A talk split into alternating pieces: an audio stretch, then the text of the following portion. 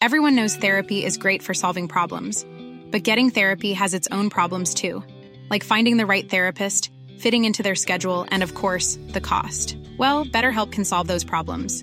It's totally online and built around your schedule. It's surprisingly affordable too. Connect with a credentialed therapist by phone, video, or online chat, all from the comfort of your home. Visit betterhelp.com to learn more and save 10% on your first month. That's BetterHelp H E L P. One size fits all seems like a good idea for clothes until you try them on. Same goes for healthcare. That's why United Healthcare offers flexible, budget friendly coverage for medical, vision, dental, and more. Learn more at uh1.com. Hiring for your small business? If you're not looking for professionals on LinkedIn, you're looking in the wrong place. That's like looking for your car keys in a fish tank. LinkedIn helps you hire professionals you can't find anywhere else, even those who aren't actively searching for a new job but might be open to the perfect role. In a given month, over 70% of LinkedIn users don't even visit other leading job sites. So start looking in the right place. With LinkedIn, you can hire professionals like a professional. Post your free job on linkedin.com slash people today.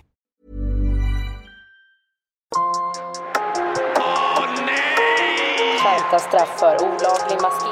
Läget är tufft. Det var en seger för Malmö FF, men en förlust för svensk fotboll. Sveriges damlandslag i fotboll är nu långt från nu krävs ett smärre mirakel. Det står fyra man ska inte få det med frågor. Fy fan vad Det och Wiedersehen till ett influsspelet i Tyskland.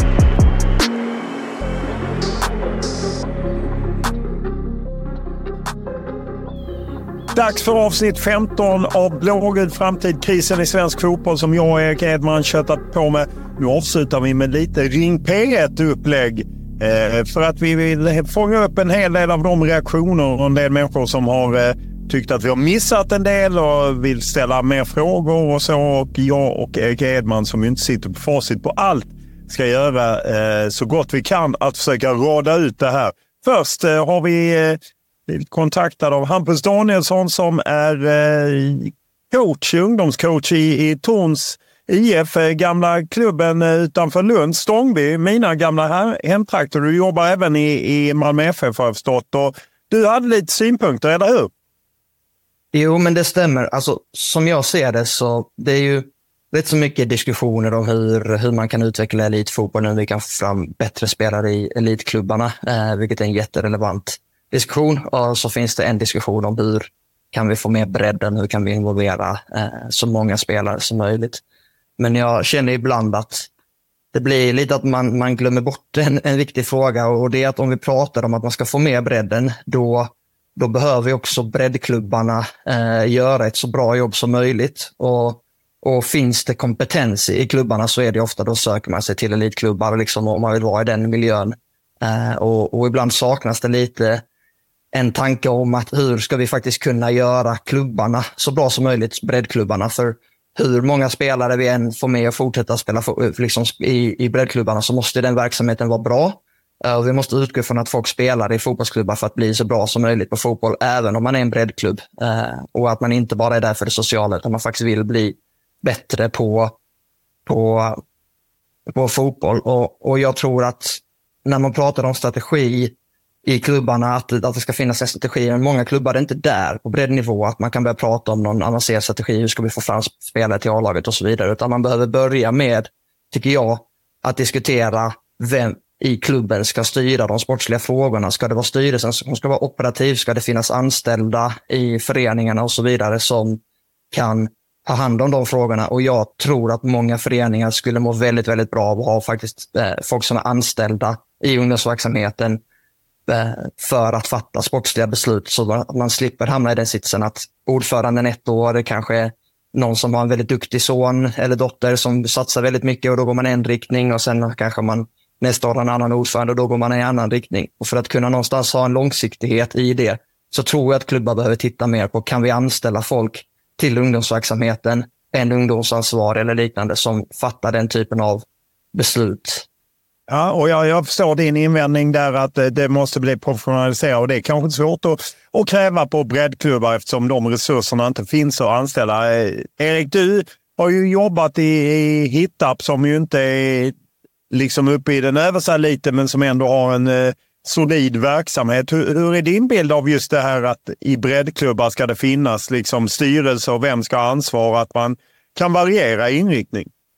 Nej, men jag håller med eh, Hampus i mycket av det han säger och det är ju en utmaning för många av de här mindre klubbarna som har det ekonomiskt ganska tufft. Har man hittat som, som har ett företagsnätverk, man skapat sig en, ja, vad ska man säga, en ekonomisk plattform eh, där man också då har kunnat göra det som Hampus säger, att ha fotbollsfolk på dagtid som involverar sig i massa olika frågor. Allt från att tvätta grejer till att boka planer, till, till, att ta fram eh, utbildningsplaner och så vidare. Och sen också kunna följa upp det i vardagen. För det är det som är så otroligt viktigt. Man kan skriva ner massa grejer på papper, men det gäller att följa upp det i vardagen. Och det tror jag att eh, det krävs ekonomi och det är många av de här mindre klubbarna som sliter otroligt mycket med, eh, med, eh, med finanserna så att säga. Så att det gör ju att man, man har svårt att tillsätta den här typen av roller. Och där, där tror jag över tid så behöver man engagera samhället i denna frågan. Eh, man behöver få beslutsfattare i städer, kommuner och så vidare förstå eh, vikten av att vi faktiskt får ungdomar att aktiveras betydligt mer.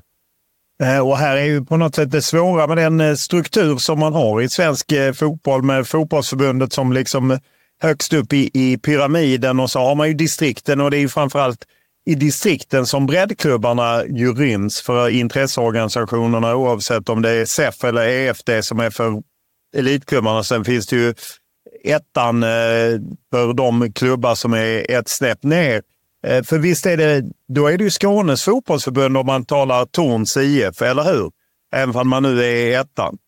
Jo, det är Skånes fotbollsförbund, men, men jag tycker att man problematiserar frågan lite mycket där. Alltså, det är klart att det är en ekonomisk insats för en klubb att, att säga anställa en ungdomsansvarig för 10 000, men, men jag tror någonstans att de pengarna får man tillbaka relativt snabbt. Alltså för tittar man på till exempel fotbollen i Lund, jag menar, där, där handlar det mycket om klubbarna. Man har inte träningsmatcher off-season i många år, årgångar. Man kanske inte har material i lagen och så vidare. Och Det leder ju i sin tur till förlorade medlemsintäkter. Eh, många klubbar i Lund, som exempel, förlorar ju väldigt mycket spelare när de blir 12-13 som går till andra klubbar. Skulle man kunna ha en verksamhet som fungerar bättre, så, som jag menar, en ungdomsansvarig som även med grundläggande kompetens som, som ser till att vi har bollar, som ser till att vi har rotation mellan lagen, som ser till att vi har Eh, de grundläggande förutsättningarna på plats. Den ungdomsansvarig kommer dra in sin lön på en ganska kort tid, eh, tror jag. Och då det är klart att det är en ekonomisk insats på kort sikt. Men jag tror inte att, jag tror att på längd, i längden så kommer klubbarna tjäna pengar på det. För att du kommer få så pass mycket mer medlemmar att, att den insatsen är värd.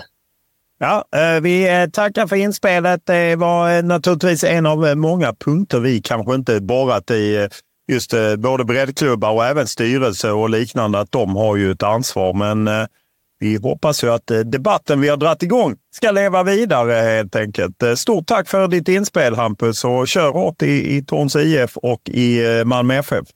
Tack så mycket.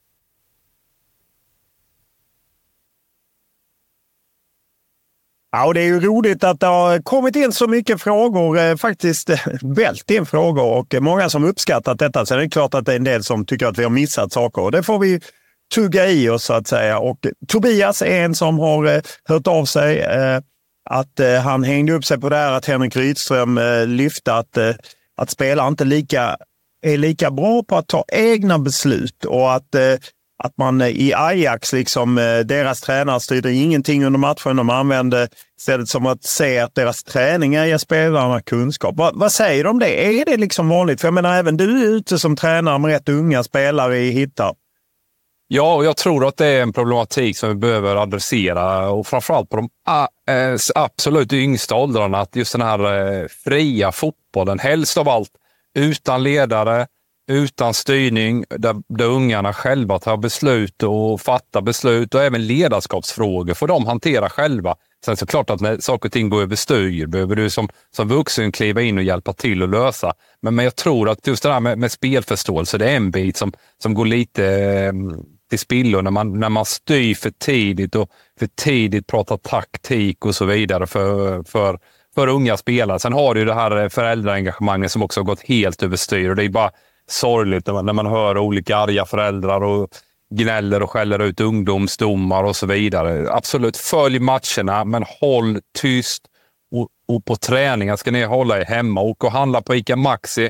tvätta, hjälp till med hemmet, skit i ungarnas träningar. Ja, eh, det ligger väl mycket i det. Och vill ni höra Henrik Rydström eh, när han pratar om det här så är det i avsnitt 13. Kan ni höra ännu mer om just det här med hur han eh, jobbar med principer men samtidigt också måste lära spelare att faktiskt lösa saker på egen hand. Anders, eh, en av många andra som har hört av sig, han lyfter det här med ett nationellt träningscenter som en stor sponsor kan betala. Är det så viktigt att ha ett eh, träningscenter? Jag menar, det fanns ju inte på din tid när ni gick till EM och VM och allt möjligt. Men det är klart, jag tror det kan hjälpa, hjälpa förbundet på många sätt. Man, man, man samlar verksamheter, man ser varandra, kanske mellan olika åldersgrupper och så vidare. Fortbildning, både domare, spelare, ledare, tränare, allting som, som, som kan eh, på något sätt ta, ta, del av varandra och varandras kunskap. Jag tror definitivt det finns en stor vinning att ha ett nationellt center. Sen, sen är ju just det här med finansieringen en, en, en hyfsad knut att lösa och framförallt idag med, med den ekonomiska situation som finns både på förbundet och samhället i stort. Ja, eh, förbundet har ju i veckan gått ut, eh, vi eh, fotbollskanal avslöjade för några veckor sedan, att de stramar åt. Det var väl 30 miljoner första året. Jag tror att det är ännu mer 2025. Så att av den anledningen så kan man inte lösa ett nationellt träningscenter, utan det handlar ju kanske om någon sponsor eller flera sponsorer känner att man kan ge någonting Eh, till, till svensk fotboll. Vi får väl se hur det blir med det eh, när eh, Andrea Möllerberg kör vidare. Anders Persson har hört av sig. Han håller med personen från Göteborg, skriver han. Det är Ulf Karlsson eh, som vill vara med och eh, han var väl med i avsnitt fem, om jag inte minns fel. Fyra, fem pratade vi om de frågorna eh, och han gör ju bredd, ger en topp så att säga.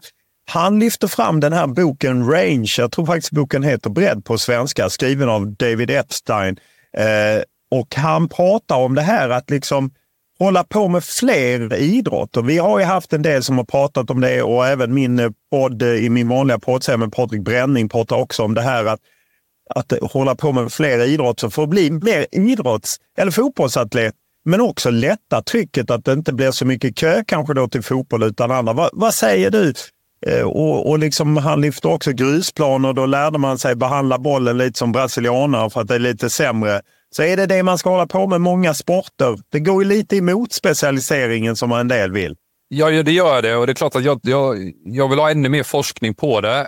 Um, sen blir det lätt att man relaterar till sin egen karriär och hur det var under min uppväxt och det kan jag ju inte likställa med hur det är idag. Jag själv höll på med otroligt många olika idrotter.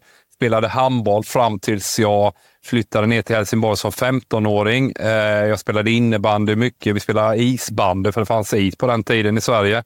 Eh, naturis. Eh, så för mig har det varit otroligt nyttigt att vara multiidrottande och det finns också fördelar motoriskt bred bas brukar man säga där man eh, får en bättre, bredare motorik. Eh, de här eh, förslitningsskadorna kommer inte alls lika tidigt och så vidare. Så det finns ju otroligt mycket bra saker som kommer med multiidrottande. Där, där jag tror att det är enklare på en, en mindre ort där, där det kan finnas eh, möjligheter till, till större samverkan mellan idrotterna och så vidare. Där, där ledarna bor ganska nära eh, varandra och så vidare och kan prata och liksom på något sätt ha en dialog kring, kring flera sporter och så vidare. Så det kan nog vara en sak. Eh, och jag tror definitivt att det finns jättemycket fördelar med det. Sen, sen går det ju mot tidigare specialisering. Det var Dennis Hurtin också tydlig med i sitt avsnitt där när han pratade om att 12-13, då, då börjar man specialisera sig idag om man vill bli riktigt, riktigt bra. Eh, Dennis Hurtin, AIK, där de ju lagt om eh, ungdomsverksamheten baserat på forskning eh, som Marco Sullivan legat bakom och James Vaughan tror jag det är de två som har gjort forskningen. Eh, det är i avsnitt eh, 12 eh, som man lyssnar på det. Dennis är oerhört intressant. En mamma som har hört av sig eh, till oss och du har svarat oerhört eh, utfylligt, men jag tänker vi tar ändå upp det i podden. Eh, en mamma som tyckte det var intressanta avsnitt, men hon saknar logistik, föräldraperspektiv. Hon pratar om det här att de jobbar, de har barn som är liksom aktiva i olika sporter och det svåra. Och hon pratar, man måste se till att det finns bra träning på hemmaplan med fokus på nivåanpassning. Utbildade tränare måste finnas möjlighet att utvecklas på hemmaplan. Alla bor inte bredvid en akademi eller har möjlighet att lägga den tiden det tar. Det är ju en tuff utmaning för föräldrar som både ska jobba, man kanske har barn i olika aktiviteter i olika åldrar och så. Hur ska man tänka där? Ja, men eh, först och främst såklart att man väljer som förälder väljer du förening och verksamhet. Man, man, man tror eh, liksom, främja utveckling hos barnet och särskilt då på, på kanske eh, i samhällen som är lite mindre där förhoppningsvis kan barnen cykla själva eller till och med gå till sina träningar. Det är det optimala. Sen tror jag ju över tid och framtidens metod eh, för att liksom föreningar ska överleva på, på lite mindre orter, det är ju de här åldersöverskridande verksamheterna. Man kanske tar ihop tre åldersgrupper i samma grupp och sen nivåanpassar därefter och inte är så jäkla låsta vid det här kalendersystemet som vi har eh, ja, överallt egentligen. Va? För det kan ju skilja otroligt mycket på, på barn som är födda samma, samma år, eh, datum, så att säga. Det har vi pratat om tidigare. Det, det kan vara en väg för att på något sätt säkerställa kvalitet eh, för ditt barn där han eller hon är just nu. Ja, eh, och eh, det är ju bara att liksom bolla kring det med den förening man rör sig i. Andreas en som har hört av sig mm, långt eh, och gediget mejl. Han är tränare för två av sina barn och verkar i en breddförening. Han vill liksom på något sätt han tycker att frågeställningarna vi har tagit upp där i Blågul framtid är stora och svåra och tidskrävande, tar tid. Och, hur ska han liksom i en breddförening plan, planerar verksamheten? Ska de stänga ner, minimera verksamhet under vintern för att uppmuntra multiidrott eller ska vi slåss för varje träningstid? Och, och, hur har det varit kring svenska landslagsspelare? Och det är ju det du säger att det kan ju vara svårt att, att veta eh, vad som gäller idag så att säga. Men vad tror du liksom att, eh, att hur ska man tänka om man är en breddförening att, eh, att för att göra det så här bra som möjligt? Ja, men spontant så känner jag ju att just den här samverkan mellan flera idrotter under ett kalenderår. När det är kallt så, så kanske man kan försöka utnyttja möjligheter att vara inne till exempel. Om det är innebandy, även fotbollslaget kanske kan spela innebandy, även om inte det är organiserat med seriespel och så vidare. Det kan vara att bryta av det och göra något annat. Och tittar du på landslagsspelarna under min tid, nu börjar det bli jäkligt många år sedan jag spelade i landslaget, men ta den absolut tydligaste exemplet var ju kanske Olof Mellberg som var otroligt duktig i tennis. Har det kanske gett honom en, en, eh, extra fördel i fotboll som gav honom till exempel snabbhet eh, och så vidare, så finns ju fördelar med andra idrotter som, som kanske man plockar frukterna eller skördar på betydligt senare. Det, det, kommer säkert innebära att Olof till exempel var, var en sämre fotbollsspelare när han var 15-16. Men, men när han var 20 så hade allting börjat växa i kapp och samman som gjorde att han var en fotbollsatlet. För det är faktiskt en fotbollsatlet när man pratar om det. Olof Mellberg, eh, som var både snabb, stark och, och uthållig. Och, och jag menar, Andreas ville här att vi skulle intervjua ett gäng spelare och höra deras väg till elitspelare. Och då kan man ju säga att det svåra är ju att liksom, om man pratar med dagens elitspelare så har kanske mycket ändrats. Det känns som att svensk fotboll har ändrats mycket 10-15 år sedan. Ett inspel i det här är ju avsnitt eh, 14, det vill säga det som kom senast i, i onsdags, där vi ändå pratar med folk som har jobbat med Hugo Larsson och Hanna Bennison. Och där kan man ta alternativet Hugo Larsson som ju, där de spelar otroligt mycket spontanfotboll, men där han dumpade handbollen som trots allt var ny Ystads stora sport, utan han satsade på fotbollen. Och Det som också framgår när man pratar liksom med, med de som har jobbat med de här supertalangerna, att det finns inte en väg. Jag, jag, jag tycker liksom Per Lagerström tar upp det bra med Jennifer Falk som liksom slog igenom sent och nu spelar på högsta nivå. Eh, Medan då Hanna Bennison redan som 11-åring plockades till Rosengård och debuterade som 15-åring. Jag tror tyvärr inte att man ens får ett svar om man ringer upp massa, men vi har, vi har försökt utifrån det. Eh, Stig han har lyssnat på alla avsnitt eh, och han tar upp det här som jag vet vi ändå några gånger berört, eh, just det här född tidigt på åren för att eh, nå eliten. Liksom, att man, eh, svensk fotboll har börjat jobba med future teams där man fångar upp sådana som är födda sen. Men det är fortfarande en stor faktor, eller hur Erik? Ja, men det är klart att det är. Och det är bara att, ta, det är bara att gå till skolan och man sitter på en mattelektion och man är åtta år och jag är född i januari och du är född i december. Det är klart att eh, förmodligen är min, eller förhoppningsvis är det kanske då hjärnan mer utvecklad från det tidigt födda och så vidare. Så det finns ju fördelar i alla olika typer av verksamheter kan man säga med att vara tidigt född. Och det farliga är ju just det här att man, man har svårt att identifiera talang och, och eh, det är ännu svårare att identifiera potential i människor, framförallt unga personer som, som, som utvecklas och växer och så vidare. Så det här är ju en jätteviktig fråga som kräver mycket kunskap hos ledarna. Det har vi också varit inne, inne på tidigare. Björn eh, eh, har hört av sig. där. han heter Björn Gidlund och var nyligen, eh, fram till nyligen anställd i Östersund som ungdoms och CSR-ansvarig. Eh, Corporate Social Responsibility. Ja, lite samhällsprojekt helt enkelt. Han menar att man måste minska glappet mellan akademi och breddfotboll. Måste se till att höja kvalitet på verksamheten hos våra klubbar som inte bedriver akademifotboll enligt SEFs skärmbedömning. Krasst sett, vi måste göra akademierna mindre intressanta. Att det är liksom att få dem att fortsätta spela fotboll eh, och att hans förslag är att varje förening får hjälp av respektive kommun att anlita en eller två kommunanställda tränare.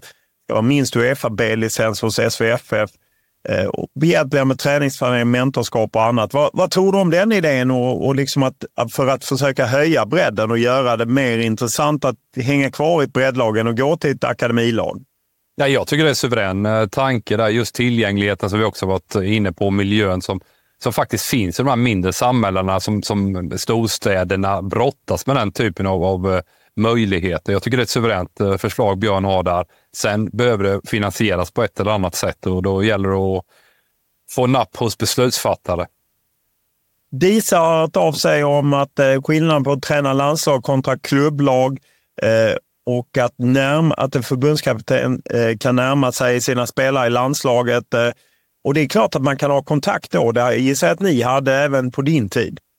Ja, det vet jag att Janne också gör allt han kan där för att påverka spelarna i den riktningen som, som de önskar mellan samlingarna också så mycket det bara går. Sen är det ju, det går liksom inte att komma ifrån att, att eh, man behöver spela tillsammans, man behöver träna tillsammans, man behöver repetera saker gång efter gång och det är, det är inte en slump att eh, Tyskland till exempel när de vann VM-guld eller Spanien när de vann både EM och VM hade de här tydliga klubblagsblocken med Barca, Real, Bayern och Borussia Dortmund till exempel och har den här samspeltheten.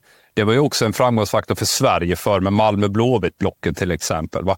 Det är ju en helt ny verklighet som vi behöver förhålla oss till och hur man eh, på något sätt ändå kan lyckas med eh, sin landslagsfotboll trots då de utmaningar att spelarna kommer från väldigt olika klubbar och inte har spelat tillsammans på seniornivå. För det är också det som är skillnaden här. Min andra fundering från Disa då handlar om hur laget sätter ihop. Hon menar, kan man inte ta ett mittbackspar från allsvenskan snarare än de som spelar i andra ligor? Jo, det kan man definitivt om man anser att de tillsammans blir bättre kombo än de som kanske har bättre vad säger man, individuell kvalitet. Så absolut, det är klart att Disa har en jätteklok tanke där, men någonstans grundas i, i, i den totala kompetensen. Och det är lätt att man som spelare tänker att okay, varför får inte jag spela? Men det kan ju också vara att att eh, andra spelare samverkar och samarbetar bättre. Och där har ju Disa en tanke att okay, är det ett, ett mittbacksteam från, från Djurgården till exempel som spelar vecka ut och tränar vecka ut och vecka in tillsammans. Det kan mycket väl vara, vara minst lika bra eller till och med bättre för en landslagssituation. Emil från eh, BK Häcken har hört av sig. Han har en tvådelad fråga. Det första är att han vill både allsvenskan och damallsvenskan Eh, Eh, ska spela fler matcher eh, och att man då kan ge större möjligheter till unga spelare. Att han, han förstår liksom inte varför man inte nästan dubblar det och att tillräckligt mängd matcher i både allsvenskan och allsvenskan för damer och herrar så att säga bidrar till att svensk fotboll halkar efter. Skulle gynna samtliga lag att vara vana att spela två matcher i veckan. Vad säger du om det? Ja, det är ju Kalnén. Niklas Kalnén var ju inne på det här med, med matchkalendern, att den är redan idag väldigt, väldigt tajt. Eh, tittar man utomlands så, så kan de absolut största spelarna, ta Harry Kane, jag räknade på det något år, han kunde mer eller mindre ha spelat 80 matcher på tävlingsnivå med landslag, VM, det var kupper, det var ligaspel, det var väl också några träningsmatcher jag har räknat med i det där. Va? Och det är ju extremt mycket. Eh, där är ju inte vare sig regelverk vad det gäller antalet byten eller matchtider och sådana här saker riktigt i kapp. Du behöver ha större trupper. Eh, så ett första steg skulle jag säga var att, att korrigera kalendern lite granna. Eh, där, där, man gör kanske som Norge, där man förlänger den ytterligare två veckor. Eh, en sån här tanke kan vara att, att du, eh, konstgräslagen inleder och avslutar det seriespelet då, om, om vädret inte tillåter bra gräsplaner till exempel. Även om inte det är hundra fair, jag vet det också. Men det, det finns ju sådana tankar som, som kan göra att vi kan förlänga tävlingssäsongen i Sverige på olika sätt. Ja, och Emil vill ju byta till att vi ska spela höst-vår istället för vår-höst, vilket ju han menar att det inte är stora problem mer än tre veckor.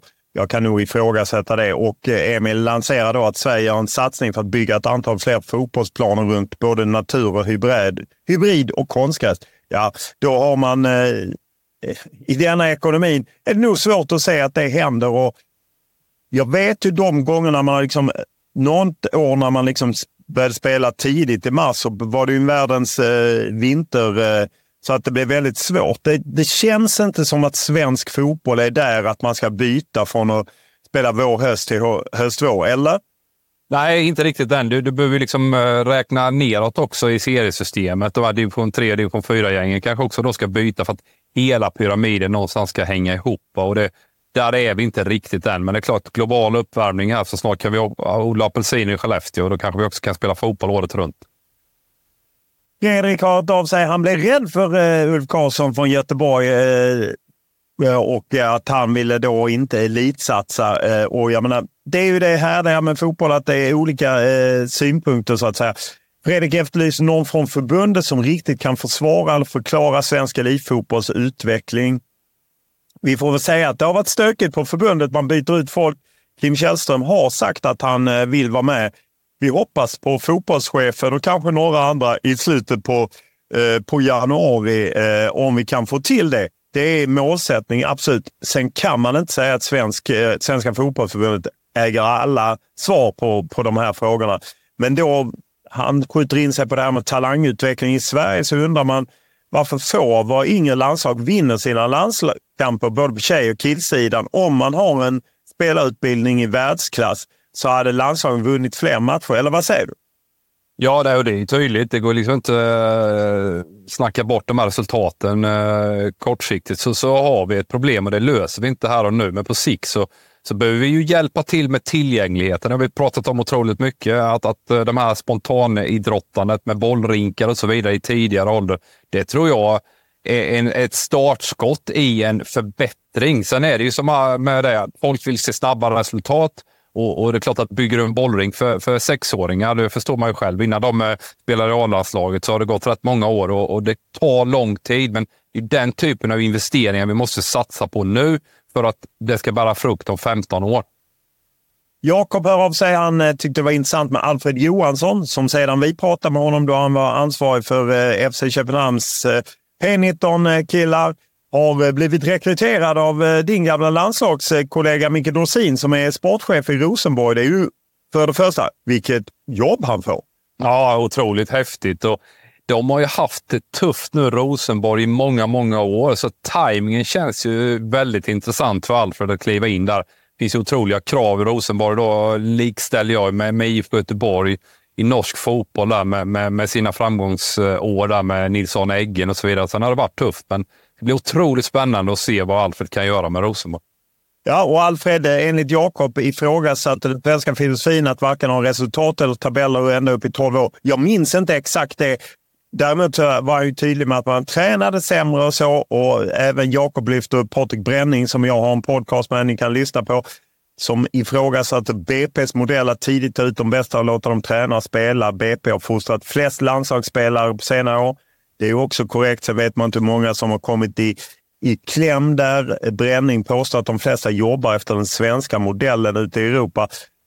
det är ju, vi får ju också vara ärliga med att det finns inga riktiga svar. AIK hade ju en period när de hade mycket landslagsspelare och de jobbar ju en, efter en annan modell än vad BP gör. Så det är svårt att hitta facit, eller?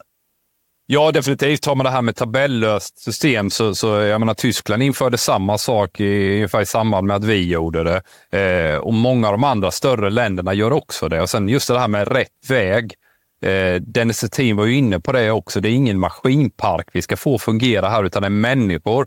Eh, precis som du sa innan Olof, så, så det finns olika vägar för olika personer som har olika karaktärsdrag och så vidare. Så att, Ehm, just att man bara ska hitta en, en lösning på det här, de här utmaningarna, det kommer vi aldrig göra och det, det ska vi inte göra heller. För man behöver väva in sin egen kontext, vilket sammanhang bedriver vi verksamhet på och så vidare och vilken stad finns vi och vilka konkurrenter har vi i form av andra idrotter och förebilder och så vidare. Så det, det är otroligt komplext. A lot can happen in three years, like a chatbot may be your new best friend. But what won't change? Needing health insurance. United Healthcare Tri Term Medical Plans, underwritten by Golden Rule Insurance Company, offer flexible, budget friendly coverage that lasts nearly three years in some states. Learn more at uh1.com. Burrow's Furniture is built for the way you live. From ensuring easy assembly and disassembly to honoring highly requested new colors for their award winning seating, they always have their customers in mind. Their modular seating is made out of durable materials to last and grow with you. And with Burrow, you always get fast, free shipping. Get up to 60% off during Burrow's Memorial Day sale at burrow.com slash ACAST. That's burrow.com slash ACAST. burrow.com slash ACAST. Everyone knows therapy is great for solving problems, but getting therapy has its own problems too, like finding the right therapist, fitting into their schedule, and of course, the cost. Well, BetterHelp can solve those problems. It's totally online and built around your schedule. It's surprisingly affordable too. Connect with a credentialed therapist by phone, video, or online chat, all from the comfort of your home. Visit betterhelp.com to learn more and save 10% on your first month. That's BetterHelp H E L P. Det är komplext och Karl har hört av sig. Han har studsat till på att vi pratar jämför med Portugal, Kroatien och Nederländerna. Det gör ju du också. Eh, och jag också så att säga. Att man tittar på ungefär lika stora länder. Jag menar Kroatien är ju hälften så stort. Han menar dock att liksom idrottsutövandet skiljer sig från olika länder. Och jag tycker han har en viktig poäng där. Jag tycker till exempel Norge och Danmark har ingen motsvarighet till SHL som framförallt tar tv-pengar och sponsorpengar åskådare och en hel del talanger. Eh, och eh, hans bild är att Sverige har mer differentierat idrottsutövande än i Portugal. Eh, och att man har mer att välja på här. Liksom att I Portugal är det mycket fotboll. Det talar emot Kroatien som är oerhört skickliga på väldigt många olika bollsporter. Men han tog Sverige det fjärde bästa landet per capita i olympiska spel på sommaren. Nederländerna, Portugal, alla långt efter mer framgångsrika fotbollsnationer. Är det här en faktor eller inte? Ja, men det är definitivt en faktor. Så jag håller med Karl. Sen, sen är det klart att Kroatien Kroatien har inte funnits så där otroligt länge så att, att de ska skrapa fram en massa medaljer i vattenpolo och sånt, det kommer de ju göra. Men, men, men det är klart att Eh, Eh, de har inte funnits som land sedan, eh, ja det var väl 90, 1990 eh, de kom till och så vidare. Sen, sen det som jag nämner när jag tar upp eh, Holland och Portugal är framförallt strategin, hur man eh, jobbar med sin ungdomsutbildning och framförallt också hur de är så otroligt skickliga på att få in sina unga spelare i sina A-lagsverksamheter. Och då snackar vi om de största klubbarna. Det är ju inte bara de mindre gängen, utan de är otroligt skickliga. Så just det här strategiarbetet är så otroligt förankrat i klubbarna. Där på ett väldigt tydligt sätt och där är de ju överlägsna alla andra länder skulle jag säga. I det här avsnittet har vi ju en del eh, gästspel också, folk som eh, ringer in. Vi vill ha lite Ring P1-känsla och eh, Per Lagerström, du har varit aktiv tränare, klubbdirektör, förbundskapten och nu jobbar du mycket via Viaplay och, och så. Du har lite synpunkter kring ja, allsvenskan för damer och ekonomi och, och så. Vad är det som du har tankarna på? Ja, men eh, tack. Ja, men först och främst, jag tycker det var ganska tydligt i er serie här. Att, att allt, det mesta kokar ner till resurser. Och resurser är en väldigt, väldigt viktig fråga. Och det tycker jag att det är en fråga. Jag jobbar civilt med det. Jag tror det var Jens Fjällström som beskrev det. Skulle damfotbollen vara en aktie, då skulle jag investera i den. Han sa någon gång. Och här tycker jag var ett problem. Jag ser det som en startup-aktie. Vi har investerat alldeles för lite i den, samtliga parter. Och jag kan inte sitta här liksom och peka på det borde den ha gjort och den ha gjort. Jag kan bara konstatera att den kommersiella utvecklingen för damallsvenskan och damfotbollen i Sverige tycker jag går alldeles för långsamt om man ser på vilken potential vi har. Vi har haft ett, ett, ett, ett A-landslag som har tagit medaljer. Vi har fortfarande en bra damallsvenska, men som intäkterna den genererar är, eh, går alldeles för långsamt kontra dess övriga utvecklingen.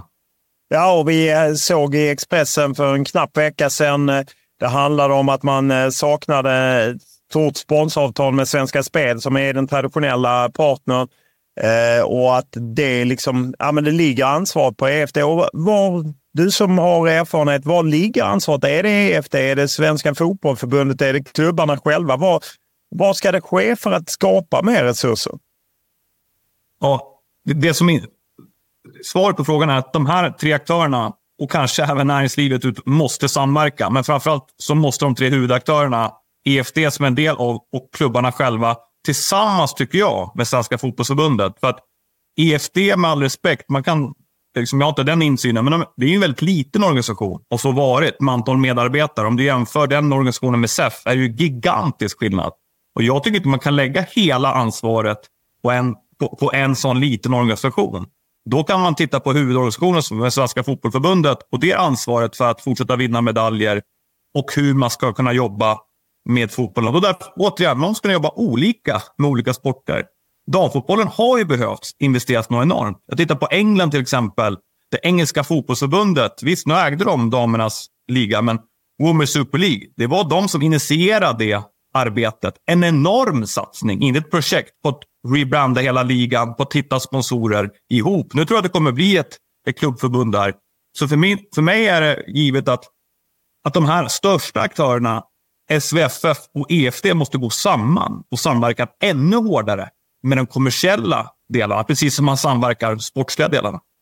Är det rimligt ändå att jämföra med England? Jag menar, vi jämför inte oss riktigt med England. Vi kanske tittar på länder som är befolkningsmässigt lika stora. Det är klart att det finns en större marknad i England med många fler invånare än vad det finns i Sverige. Att, eh, att det är svårt att se att, jag menar, vi jämför inte allsvenskan med Premier League liksom.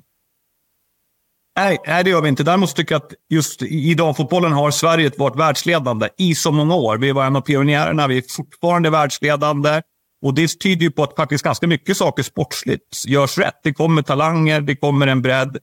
Och, och där fortsätter vi utvecklas. Men kommersiellt är, tycker jag, den största bristen. Alltså, totala intäkten för föreningar, omsättningar för det, vad damfotbollen drar in centralt, centrala medel. Som du jämför med England eller inte vet jag inte, men att vi har ett fotbollsförbund som är, som är stort tillsammans med, med en liga som jag tycker fortfarande har potential. Det visar ju, enskilda matcher visar ju att du kan fylla läktarna. Linköping kan möta Arsenal, då är det fullt. Linköping-Norrköping är fullt. Chelsea möter eh, Häcken, då är det fullt. Hammarby är ju, det finns ju många goda exempel, men generellt sett så behöver vi ha mycket mer publik, ett större värde på produkten och där tror jag man måste samverka, många aktörer. För annars är allt det ni pratar om blir så himla svårt att genomföra sen. Eh, är det vi i media som är... Nu kan man ju säga att alla mediaföretag sliter, eh, både vi på TV4 och Viaplay. Det är ju inga hemligheter att det är tuffa tag, vilket gör att man kanske inte kommer att skjuta till mer pengar. Jag tror att det skiljer 18-19 gånger mellan allsvenskan och eh, för herrar kontra allsvenskan för damer. Och då har vi inte jämfört med vad som betalas för Champions League eller Premier League. Att det, tror du det är rimligt att tro att, liksom, att det, det kommer strömma till de pengarna? Jag, jag tror, återigen, jag tror inte man behöver jämföra, men däremot att man ser att utvecklingen har gått framåt, att det finns mycket mer pengar att hämta. Det är jag övertygad om. Men det är inte så enkelt att förhandla ett avtal, utan då måste man bygga hel, helheten. Då måste det vara mycket folk på matcherna. Det måste byggas stora event, kanske tillsammans med staden, med fotbollsförbundet. Det måste göras på ett lite annorlunda sätt för att potentialen ska ut. För det är det som det handlar om att investera i aktier. Du måste bygga ett värde och få ut värde. Och det är jag övertygad om att det går att få ut oerhört mycket mer. Jag tänker ni har ju sänt eh, damallsvenskan på Viaplay. Hur har intresset varit och tittarsiffrorna på matcherna? Ja, men för, det, det, vi ser att den, den, är ökande, men vi ser också att de största matcherna som alltid ger, ger fler publik. Utan och, och det är ju viktigt, för då blir det en helhetsupplevelse. Och vi ser att det ökar. Men och för mig är det här ett, liksom, en samverkan. Vi, ser också, vi såg också under VM i sommar vilka publiksiffror som det, det mästerskapet hade. Gigantiska publiksiffror, störst någonsin. Så att det finns ju ett värde i rättigheten, men jag tror att det, är, det hänger ihop. Det är inte bara så här, vi ska sälja mer sponsorskap. Jag tror alla har försökt sälja det. Men vad är den totala produkten? Hur hänger, jag behöver bygga samman, tror jag, klubbfotboll, landslagsfotboll, liksom, samhällsengagemang. För att just nu så går kostnaderna går i höjden mycket högre än intäkterna. Det är problem för alla organisationer. Om man tar eh, VM och andra sådana turneringar så hade innan Viaplay sände i somras så har ju TV4 sänt på massa. Jag menar, TV4s näst bästa siffra är ju eh, VM-finalen 2003. Det vill säga det har gått 20 år sedan. Och jag menar, vi har ju sett hur fotbollsturneringar, att eh, åtminstone när vi sände både EM 2022 och VM 2019, att folk börjar titta på fler än bara Sveriges matcher så att det finns en tillväxt. Men att det ändå har tagit rätt lång tid och, och jag vet Fifa klagar ju på att bolagen, det vill säga TV4 och andra, inte betalar tillräckligt. Är det, vad är det som är fel? Är det liksom att det inte finns det där otroliga intresset som man pratar om eller är det vi som är snåla? Om man nu säger vi då, det är ju inte jag som sitter och förhandlar. Alltså, svaret på frågan är ju att det, det, det, det märkligaste med det här det är ju att intresset finns vid vissa tidpunkter. Det vill säga, vi pratar om mästerskapen, men vi ser också mer och mer de stora matcherna, även på lokal nivå, kan fulla publiken.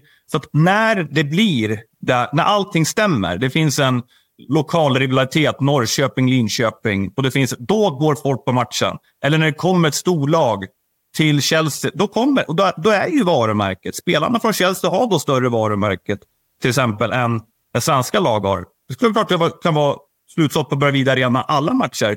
Så jag menar mer att för tv, det funkar ibland, men det måste ju vara så hela tiden. Det liksom, sen kan man inte begära fullsatt, men det måste öka markant. Och där är det en väldigt komplex fråga där jag skulle gärna se fler resurser och fler fokus på det. Vi pratade om den nya organisationen i, i svensk fotboll och fotbollförbundet. Och Kim Källström och Caroline Sjöblom, jättekul med teknisk direktör. Jag tror det är superviktigt att utbilda sporten. Men vad är fokus för de kommersiella delarna? Det skulle jag också vilja höra. Vem, vem får den viktiga frågan? För det tror jag är otroligt avgörande för svensk damfotboll, att vi tar stora steg där. Ja, det är ju intressant och man kan ju se. Jag tycker ofta handbollen är fascinerande där det är enorma tittarsiffror. Eh, länge på herrarna, numera även på damerna.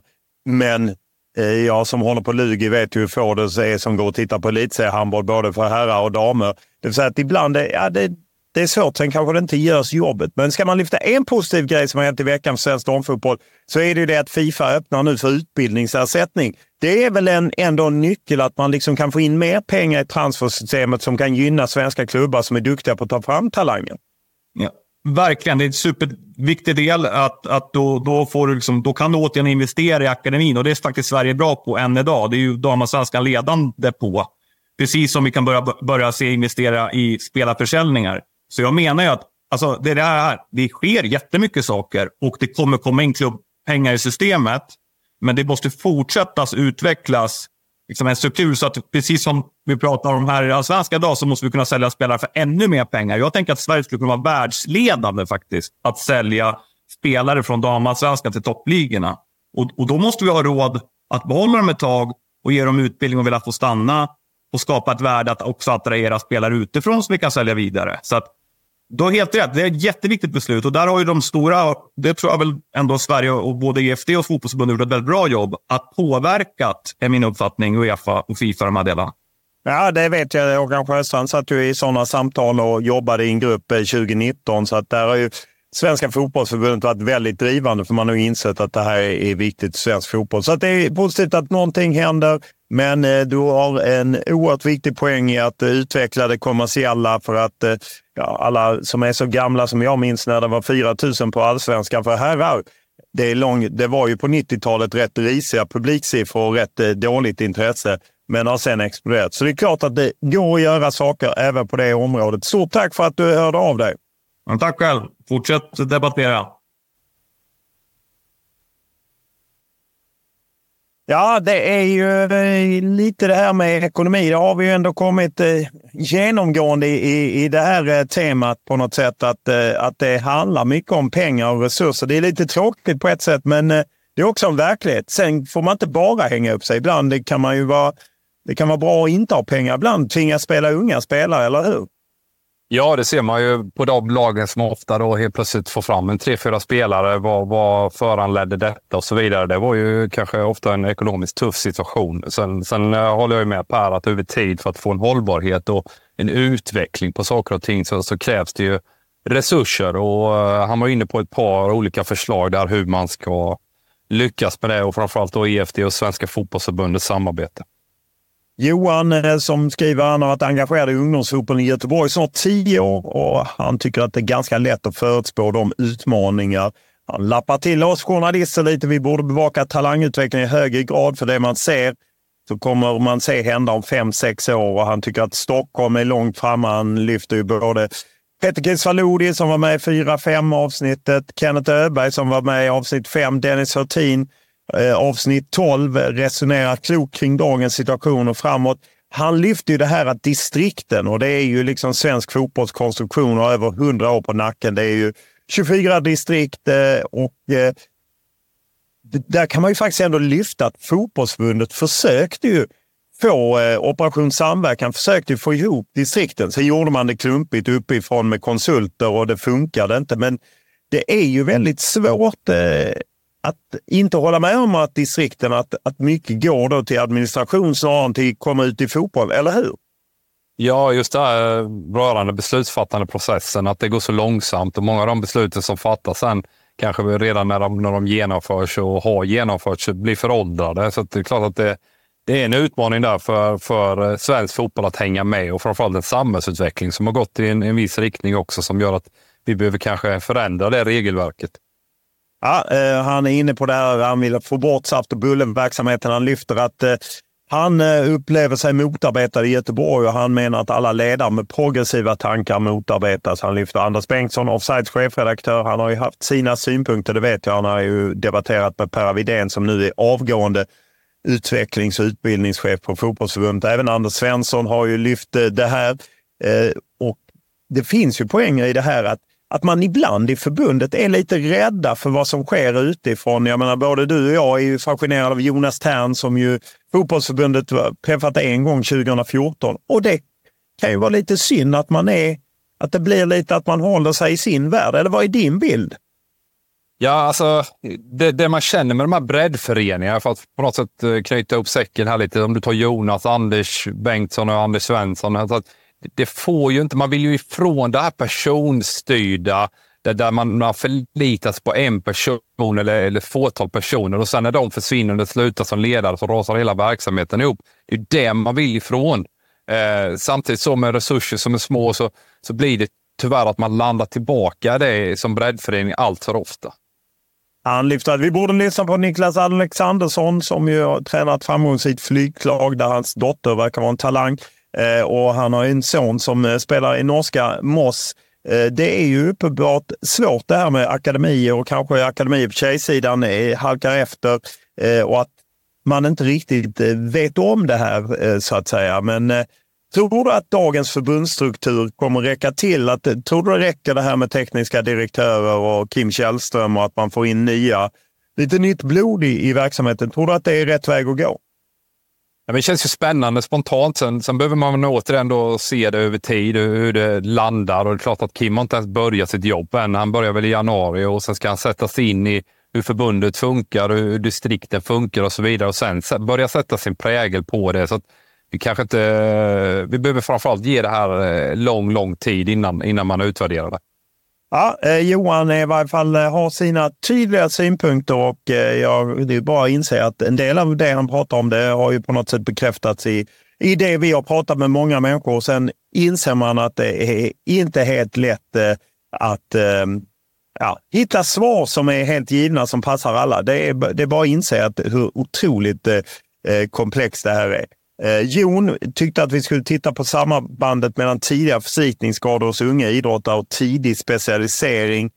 En dålig grundfysik på grund av unga, stillasittande, lite idrott i skolan, lite spontan eh, lek, idrott utomhus gör att många går sönder tidigare. Eh, tror du det? Liksom, kan man visa det? Vet du någonting om det? Jag kan ju inte det fullt ut.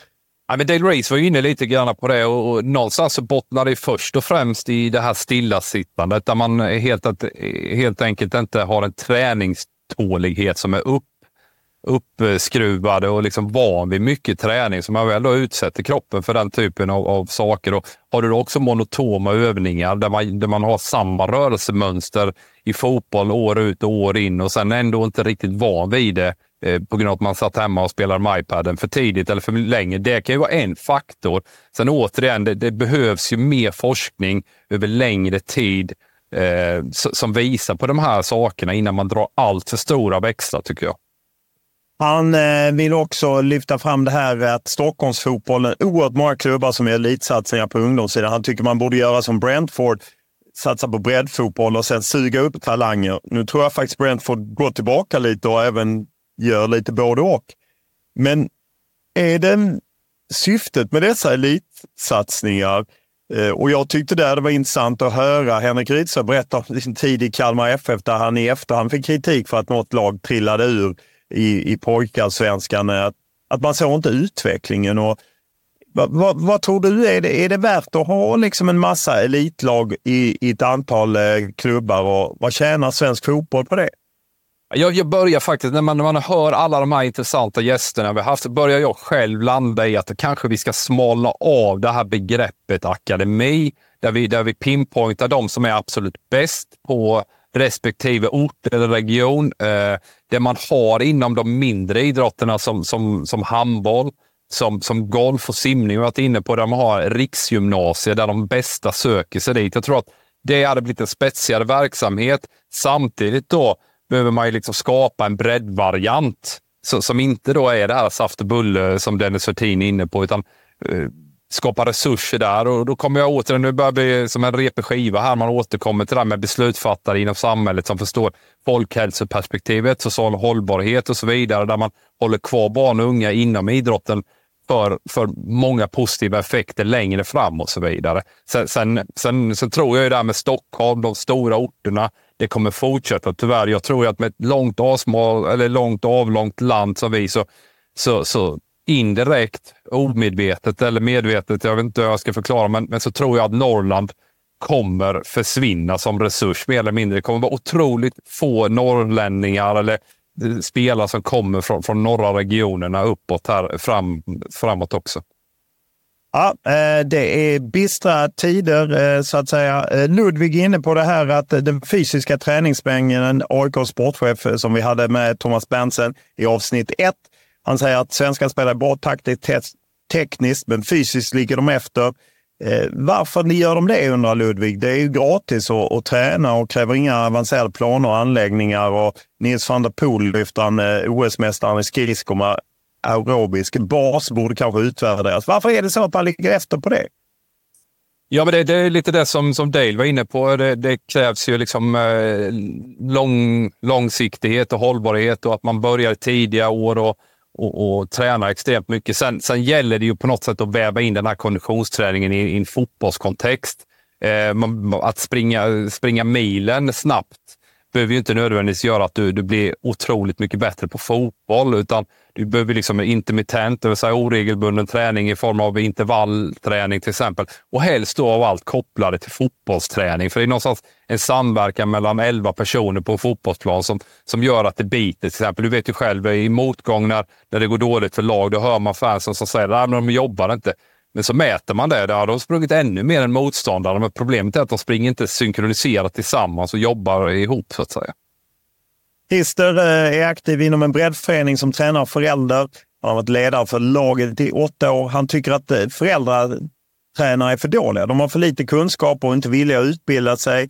Man baskar de första åren av fotbollsutbildningen. Vi behöver arvoderade ledare. Fotbollsutbildningen måste börja vid sex års ålder. Är det så? Måste det börja vid sex års ålder? Ja, jag tycker det också. Att, att eh, där behöver föreningarna ta ett stort ansvar. Den här isländska modellen där utbildade tränare, sen är det inte det är inte lika med att du kör taktik, utan det är ju lek med boll, men, men övningar som passar eh, den gruppen i den åldern så att säga. Och det är också en, en förståelse för vad barn kan ta in i vissa åldrar och vilken typ av fotboll man ska spela. Ni vet ju själv med småkillar och tjejer som, som alla springer runt bollen. Det är ju en naturlig del av deras utveckling. Så att, att, att springa för fort fram som, som ungdomsledare eh, motverkar ju den genuina liksom, glädjen och sen också då utvecklingen av spelare. Sen, sen måste man ju komma ihåg att det är föräldratränare som inte är värderade, som stressar från jobb, som kommer till sina träningar. Alltså, det krävs ju en stöttande funktion där hos, hos föreningarna. Linda är en fotbollsintresserad person, också från Göteborg, före det allsvenska meriter, akademisk utbildning, idrott, hälsa, rörelse. Och jag, hon när jag var med i Nyhetsmorgon och pratade om det här, eh, den vår poddserie, så tyckte hon att liksom, ja, men det, det svåra är att ska vi göra satsningar på utbildade ledare så kostar det och det finns medel. Men idag lägger många föreningar, kanske på en vänsterback i division 2, bredden bekostar på något sätt en låg, dålig nivå på föräldrar med noll erfarenhet blir lösningen. Hur, hur kommer man åt det? Att, liksom, att föreningar ska förstå. Det är ju lite det vi hade i, i början också med Hampus som eh, ringde in i det här programmet. Som just att bredden, nivån i bredden måste höjas och man måste fatta att man ska lägga på utbildade spelare och inte att köpa en eh, vänsterback i division 2 eller division 3. Nej, men det, det, det, är ju fel i hela föreningen då om man väljer att lägga de resurserna på att en, en eh, vänsterback i division 2 ska ha eh, ett brunt kuvert med sedlar i. Alltså det, det, det, tycker jag liksom faller på sin egen orimlighet eh, på den typen av, av verksamheter. Så det är en styrelsefråga. De säger stopp här nu. De här 20-25 000 ska gå till utbildning av våra knattetränare och ledare för att de ska ha en större kompetens och utbilda våra nästa A-lagsspelare. Marcus är inne på och vill jämföra med hockeyn. Han lyfter att eh, svensk hockey är bra på vissa saker som fotbollen inte är bra på. Man får en bra utbildning var man spelar i nästan unga år, det vill säga bra bredd. Förbundet tar ansvar för talangutveckling. Elitsatsning ses inte lika negativt som inom fotbollen. Det finns en bra juniorliga och där kan jag invända direkt mot att jag menar, Patrik Bränning har haft enorma granskningar kring det här, även om inte hockeyn alltid gillar det. Man kan inte påstå att elitsatsning inte ses lika negativt. Dessutom, hockeyn håller ju på att tappa hela liksom, eh, talangflödet. Det säger de ju själva. Det har ju närmast blivit en överklassport eller i varje fall en medelklassport. Så att hockeyn är kanske inte det, det man vill ta efter, eller? Nej, definitivt inte. Jag, jag googlade där, licensierade utövare. Det var 70 000 där 2018. Nu är förmodligen färre nu då. Fotbollen har 460 000 Eh, 2022. Just den här kostnadsfrågan där, där du ska ha massa skydd och klubbor och grejer. Det börjar bli hästhoppning där, va? för det kostar otroliga summor. Så där selekterar man ju naturligt på ett sätt då, eh, kring, kring liksom barn som är intresserade av ishockey, men som, som inte bor nära en ishall och definitivt inte har ekonomiska förutsättningar att bedriva träning med, med all den utrustning och avgifter och resor och allting som kostar. Så att, eh, det är ju blivit en rikemanssport, ishockey på många sätt. Eh, Mats som har själv spelat i Treby och som har engagerat sig i föreningen igen. Han tycker liksom att det är problem det här med Måste man påverka svensk breddfotboll? Rörligheten bland unga spelare är hög. Sett flera spelare som lämnar ungdomslag i en mindre ort för att träna med ett bättre lag på större ort. Känns som varje gång ett antal spelare lämnar ett lag, ungdom eller senior, är det några som blir kvar som antingen får sämre förutsättningar eller helt enkelt slutar eh, spela fotboll. Och att att det blir ett problem, den oerhörda rörelsen. Och jag minns ju från när min son var eh, aktiv och spelade fotboll i, i föreningar 9, 10, 11 år. Så här, fick, inte spelarna kill, fick inte killarna spela så ville de gärna byta förening. Eller så såg de liksom, ja men jag ska in i akademin där och jag ska in i akademin där otrolig rörlighet som gäller hela samhället. Jag menar, en gång i tiden blev man ju skolplacerad på en skola och så gällde den. Nu byter alla folk. Så att det är ju mer än fotbollen som har gått igenom det. Men visst är det en utmaning för föreningarna när man blir av med folk? Ja, det är en jätte, jätteutmaning och det är jättetydligt eh, och det stämmer ju 100 procent det han säger här i, i det här mejlet. Eh, eh, den USPen eller den, den saken som jag tycker liksom någonstans ligger till grund för för eh, verksamheten måste ju vara att okay, vi har bra kvalitet här. Sen, sen om det försvinner spelare eller kommer spelare, eh, där behöver man vara så pass stark som förening att, att man bygger upp en verksamhet som över tid på något sätt eh, borgar för att här, här, här bedriver vi en, en, en bra proffsig verksamhet på, på vår nivå. så att säga. Det, det är ju det man kan påverka som förening. Hålla på och jaga spelare in och ut. Alltså det, det tror jag inte. Jag menar, någon ledare som sticker och drar hand med sig tio gubbar eller tjejer. Alltså det, det, det, så vill man inte ha det, så du måste på något sätt vara, vara, vara långsiktig i din strategi eller din, din utbildningsplan som förening och, och liksom tänka eh, framförallt då i det längre perspektivet och inte bli stressad av den här typen av rörlighet som finns överallt. Eh, konstgräset är ju debatterat. Johannes, ungdomstränare i Malmö-Lundregionen, eh, flikar in att han, allt snack om konstgräset eh, måste lyftas till en annan nivå. Det gör det möjligt att träna fotboll utomhus i alla årstider. Jag tror det gett Sverige en skjuts framåt i utvecklingen. Sen kan man lyssna på Per Nilsson i avsnitt ett, den gamla landslagsbacken som pekar på att det är därför kanske vi inte får fram försvarare. Men det som Johannes vill lyfta är ju det som i, han i Lund, en sån kommun där man inte skottar eh, eh konstgräset i Malmö stad har gått ut med något liknande linje. Ingen skottning av kommunen före 2024. Uppmaningar till samtliga föreningar att ställa in träningen. Och jag menar, det är ju inte så att snö alltid är ett problem i, i Malmö. Jag vet att det är likadant i, i Stockholm. Jag vet inte hur ni har i Helsingborg, men är det liksom ett, ett problem att man inte ens tar hand om dem? Nej, men det är ju de här anledningen till det, jag, tror jag, är miljöaspekten. Det här plastgranulatet i konstgräset är miljöfarligt. Eh, rinner ner i grundvattnet och, och liksom då med mikroplaster och sånt och de, hur det då över tid påverkar vår hälsa. Och där, där har jag alldeles för dålig koll för att komma med något eh, statement kring framtida effekter. Men, men eh, beslutet är ju förmodligen fattat av, av eh, en anledning. Så jag förstår det, även om det är klart det är sorgligt när man behöver ställa in eh, träningen. Ja, eh, det är det ju verkligen och det kan man förstå. Pontus han har en annan inspel. Jag tyckte det var intressant. En parallell till svensk fotboll är att jag som MFF är helt less på den armada av utlånade spelare och där man liksom på något sätt slaktar Olympic, gamla klassiska Olympic, Patrik Ekwalls moderklubb, till farmarklubb som MFF håller på med. Välj de spelare som försprånget ger möjlighet att välja och stå ert kast lipandet om att man tvingas möta sina egna spelare i, i till exempel Mjällby är direkt ovärdigt. Det ska sägas att eh, Pontus är ju som sagt själv MFF och är kritisk till klubbens agerande. Ja, jag tror att det här antalet utlånade spelare kommer definitivt inte minska i våra stora klubbar. Och man ser ju de greppen som, som, eh, som tas nu. Nu var det senast IFK Göteborg som tog in eh, Västra Frölunda i sitt paraply som någon form av farmaklubb, HTFF. Och det arbete som Jesper Jansson gjorde och driva igenom det och hur det nu börjar ge frukt i form av att man faktiskt under 2023 hade väl tre spelare som mer eller mindre var startspelare som året innan hade spelat i HTFF. Så de har ju verkligen fått fart på den här verksamheten. Säljer ju faktiskt också spelare direkt vidare som inte ens är uppe i representationslaget. Så jag tror att det där kommer komma ännu mer inom svensk fotboll. Den här B-lagsnivån och U21 eller vad man kallar det, den är ju eh, ofta alldeles för svag matchmiljö för våra unga talanger som någonstans står på gränsen. Så där, inlåning, eller utlåning och, och, och farmaklubbar, det kommer bara öka tror jag.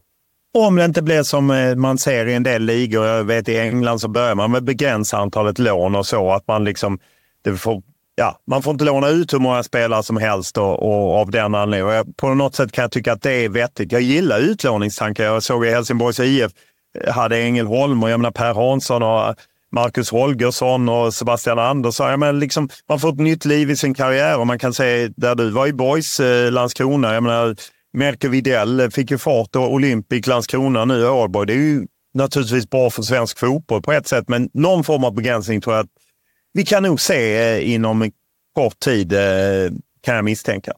Robert som har hållit på med aktier hela sitt liv han säger att han aldrig läst någon forskning eller någon aktieanalytiker eller förvaltare säger att det är en stor fördel att investera i ett bolag där det inte finns ägare av kött och blod. Där styrelsen och ledningsgruppen har inga eller få aktier i bolaget och att, att man då lö, löpande lyckas betydligt bättre än ett tjänstemannastyrt bolag.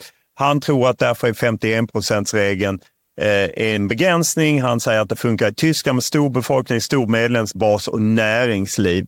Eh, och eh, han säger också, pekar på träningstiderna katastrofalt där i Skellefteå där han är så att säga. Och anläggningskrisen är gigantisk i Norrland och det har ju du varit inne på. Men tror du, det kan ju inte bara hänga på 51 regeln eh, jag menar, vissa av de som styr, tjänstemän som styr är ju duktiga. Jag menar Malmö FFs avkastning sen Niklas Carlén och Daniel Andersson tog över är väl bra och sen Bosse Andersson kom tillbaka i Djurgården exempelvis. Ja, och jag själv har ju svängt otroligt i den frågan. Eh, för en sju, åtta år sedan så tyckte jag också att 51% regeln skulle avskaffas. Nu har man sett alla de här skräckexemplen som, som eh, tillkommer i med det här multiägande multiklubbsystemet ute i Europa. Och någonstans här, det genuina och det som vi står för och, och vår historia i svensk fotboll känns ju fantastiskt att kunna bevara och det är klart som fasen att det bör kunna funka i svensk fotboll också. Sen, sen var ju Lukas Berglund inne på det i avsnitt fyra, att, att börja arvodera styrelser så att man på något sätt inte kommer dit som någon fritidshobby där det på något sätt är upp till individens egna engagemang hur mycket tid man spenderar. Utan vill man ha inkompetent folk i beslutsfattande roller, ja då får nog fan betala också. Stefan Herre Eriksson är ordförande för Bohusläns FF. Vi hade en del kontakt när han var i Örgryte. Vet jag, han mejlade. Han vill ändå lyfta att vi sedan två år tillbaka startat spelarutbildning 2.0, ett projekt i hela fotbollssverige varit med och tagit fram och som nu implementeras i landet. och att elit och bredd måste jobba tillsammans för att lyckas med båda områdena. Det är en förutsättning. Tror du att den här spelarutbildning 2.0 kan vara något, ett projekt där hela fotbollssverige driver på? Ja, men det är klart eh, att det kan vara otroligt värdefullt eh, över tid. Men återigen, där, håll fast vid den planen nu och, och, och kör den och så får man utvärdera längre fram. Det är så otroligt ofta det svänger fram och tillbaka hela tiden eh, beroende på att man nästan gör en bedömning av A-landslaget. Det har ju inte alls med talangutveckling som försiggår i vardagen idag. Så att, att man, man förstår liksom eh, synergieffekter som, som kommer betydligt längre fram än vad man kanske eh, tittar Tobias är en som är inne på det som vi hörde tidigare, det här att vi är mer spridda i vår idrott i Sverige jämfört med andra länder. Belgien, Portugal mer specialiserade mot just fotboll.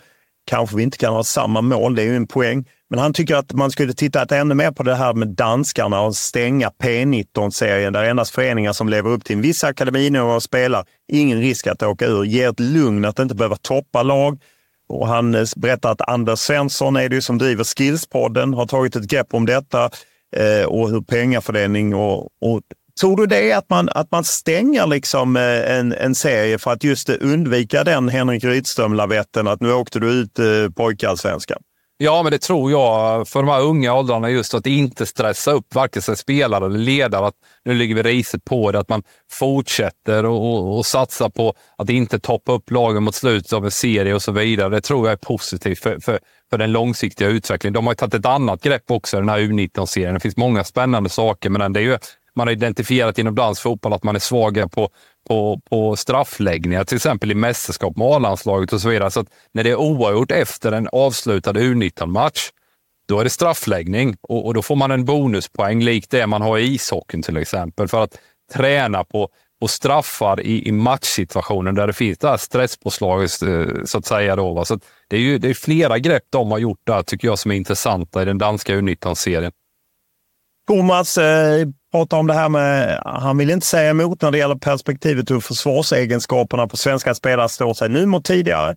Men han vill ändå lyfta fram att vi tenderar att glömma att eh, den individuella kvaliteten på Andreas Jakobsson, Johan Mjällby, Micke Svensson och Andreas Granqvist var inte heller världsklass, utan det handlade mer om organisation och han tror att Staffet, Hien, Nilsson Lindelöf och övriga backar har större potential men att det krävs en organisation för hur vi ska försvara. Nu vill jag ju först eh, bryta en lans för Andreas Jakobsson som jag nästan vill hävda var världsklass. Eh, eller i varje fall hade lite mer i sig än... Eh, hade han haft en promille av Patrik Bjerred Anderssons inställning så hade han gått ännu längre, det kan jag säga. För det saknades inte kvaliteter i honom mer än det kanske viljan att dö för en seger.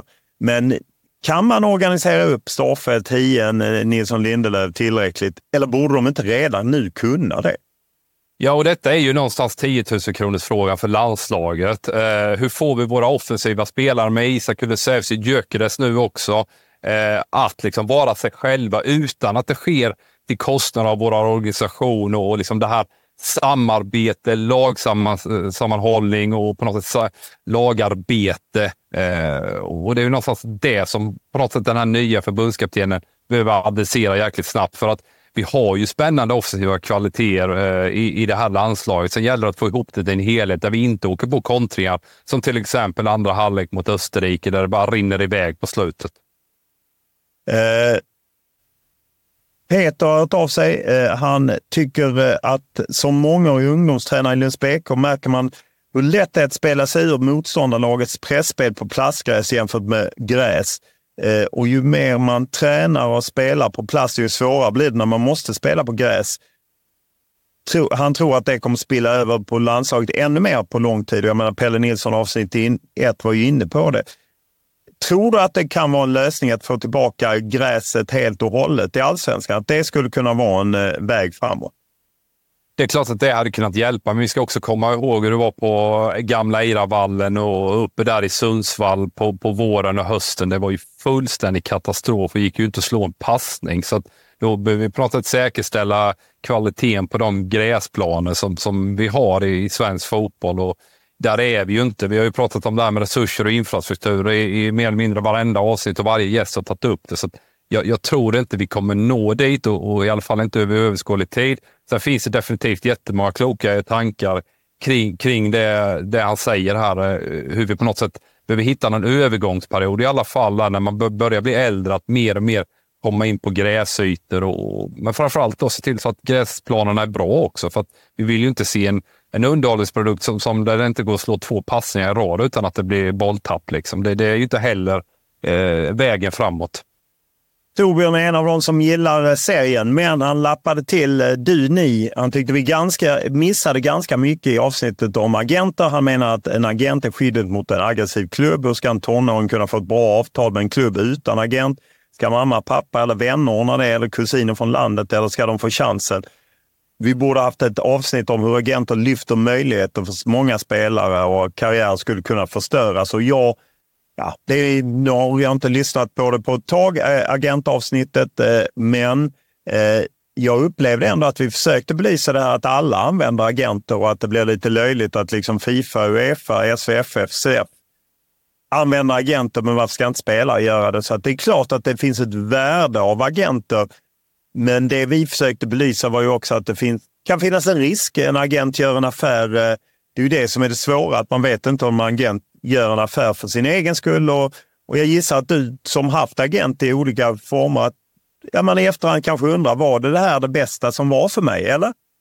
Ja, men det, det, är ju det någonting som, som ni inom media ofta lyfter, Olof, transparens. Jag tycker ju att både föreningar och spelare och, och medlemmar då framförallt ska ha 100 procent insyn i alla de eh, kostnader som förmedlare tar i samband med affärer. För det gör också att det blir tydligt vad, vad kostar det här kalaset och så vidare. Sen, sen att det finns rötägg eh, bland agentbranschen, ja det finns det, men det finns det inom föreningslivet också. Så att, eh, du kommer liksom aldrig riktigt runt det där tror jag. Någonstans behöver du hitta din, din eh, person som, som förmedlar din, din, din talan och så vidare som, som du litar på. Jag tänker att, att eh, Magnus Erlemark och, och det jobbet för er, eh, spelarföreningen gör är otroligt viktigt för, för, för unga spelare och kanske till och med föräldrar att ta, ta, ta råd och hjälp av.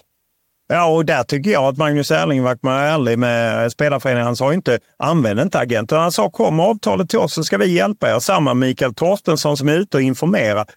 Mer information kan ju aldrig vara av nackdel. Det är ungefär som att upphandla eh, ja, bredband eller eh, köpa bil eller vad det nu är. Alltså man behöver mycket information för att välja rätt bil. Hur ska man veta Eh, vad ska man ha och liknande. Och, och, det är klart att jag, jag tror inte varken du eller jag säger att man inte ska ha agent. Utan det handlar ju mer om att utvärdera vilken agent man ska ha och i vilket skede man ska ha. Att ska man skriva eh, ett eh, akademikontrakt så är kanske inte agenten avgörande i det läget. Det kanske till och med kan vara en nackdel. För nu är det ju som så, det förstår jag ju på vänner och deras barn och så, att det är status att ha agent. Du ska helst ha agent när du är 14 och ett halvt så tidigt du kan för att då visar du att du är någon. Så att, eh, ja, det är, du har säkert en poäng eh, när du hör av dig Torbjörn att vi inte belyste det tillräckligt. Men jag tycker det är väldigt viktigt att säga. Det är inte så att vi säger att ingen ska ha agent.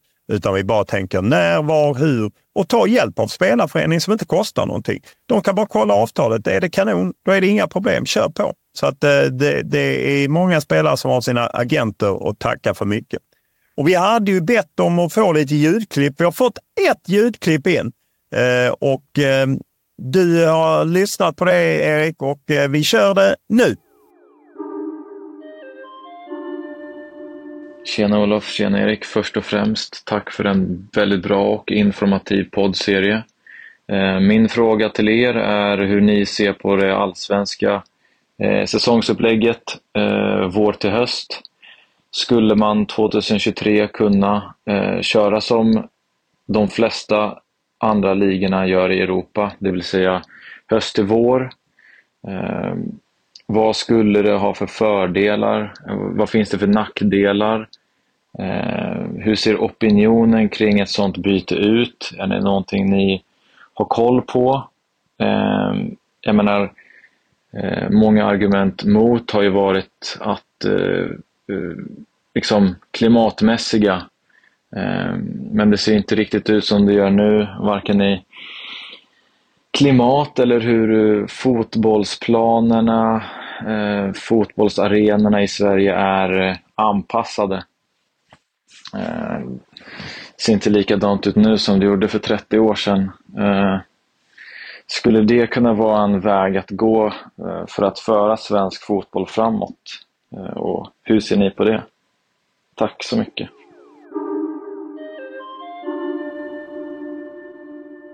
Ja, just höst-vår. Eh, den frågan har vi varit inne på eh, tidigare. Ju. Och, och, ja, jag säger väl samma sak som jag sa tidigare där och, och relaterar och refererar till det Niklas Kalmén sa. Börja med att förlänga den här kalendern, matchkalendern som vi har. Vi behöver göra mer luft för de här lagen i, som spelar i Europa Eh, för att öka förutsättningarna för dem att lyckas. Det är ju en start i alla fall. Sen behöver man kanske ta nya grepp längre fram, men, men eh, steg ett är för mig att förlänga tävlingskalendern. Nu har vi fått med oss eh, Magnus Lindvall, professor i psykologi i Göteborgs universitet. Vad, vad gör du till vardags kring eh, idrott och forskning? Ja, eh, jag håller ju på att forska kring hälsopsykologi med min bakgrund i idrottspsykologi så att jag har hållit på ganska mycket med samband mellan fysisk aktivitet och hälsa, framförallt motivation och drivkrafter, också kopplat till idrott de senaste åren. Så ganska mycket där bygger man hållbara motivationsmiljöer. Eh, vad handlar just om hållbara drivkrafter och motivation om egentligen? Så det är det som jag är intresserad av. Ja, och eh, vi har haft kontakt tidigare. Du har haft synpunkter på i, tidigare vilka fotbollsförbundet anlitade kring eh, mental träning och liknande. Så att eh, då vet jag att vi hade kontakt. Men nu har vi hört av dig kring den här serien som vi jobbar med och eh, du hade lite synpunkter. Ja, nej, men jag tyckte just att det här med det som spännande serier ni har haft och ni nämner oftast vetenskap och forskning. Eh, och det är ju jätteintressant, men det uppstår ofta liksom ett glapp en oklarhet i att vad är det forskning och vad är vetenskap egentligen? Man bara hänvisar till att det visar si eller visar så. Men, men vad, är det, vad är det egentligen och eh, hur skiljer det sig från liksom annan typ av information och kunskap, eh, egna erfarenheter och så vidare. Och så vidare. Så jag tror att den pusselbiten är också viktig för att vi ska kunna vikta det på ett bra sätt i debatten. Och Sen tror jag att ett, ett stort problem är att det i allmänhet är en väldigt oklar bild av vad forskning är. Och framförallt hur liksom den kunskapen skiljer sig åt från jag menar, erfarenheten från gamla spelare eller från nuvarande spelare eller tränare. Liksom att det inte är samma sak. Och där, där känns det som att i debatten behandlar man dem likadant. Du har en åsikt på ena sidan och så har du liksom vad man nu kallar forskning på andra sidan. Och det där är ju inte samma sak. Det är jätteskillnad. Det är inte sagt att forskning har alla svar. Ni har ju haft folk med Patrik Bränning pratar väldigt mycket om forskning och han hade ju Dennis också med. Liksom, så att ni har ju haft folk som täcker in det väldigt väl. Men det, jag tror att det är ett problem i debatten att man, liksom, man likställer de här två sakerna och ger dem lika mycket tyngd. Och, och det finns en anledning till att vi inte liksom bygger covid-vaccin eller bygger plan eller gör hjärtoperationer baserat på enstaka individers erfarenheter. Vi gör inte så i samhället för att det är väldigt otillförlitligt. Och samma sak bör gälla när det gäller svensk fotboll. All respekt för att de som håller på har jag är gammal fotbollsspelare själv, att, att, vi har ens, att vi har enskilda åsikter som baseras på erfarenheter. Men de är ju sällan särskilt tillförlitliga. Ibland så går de ju hand i hand med det som vi vet i forskningen, när man har zoomat ut och tittat på det här mycket mer systematiskt och noggrant.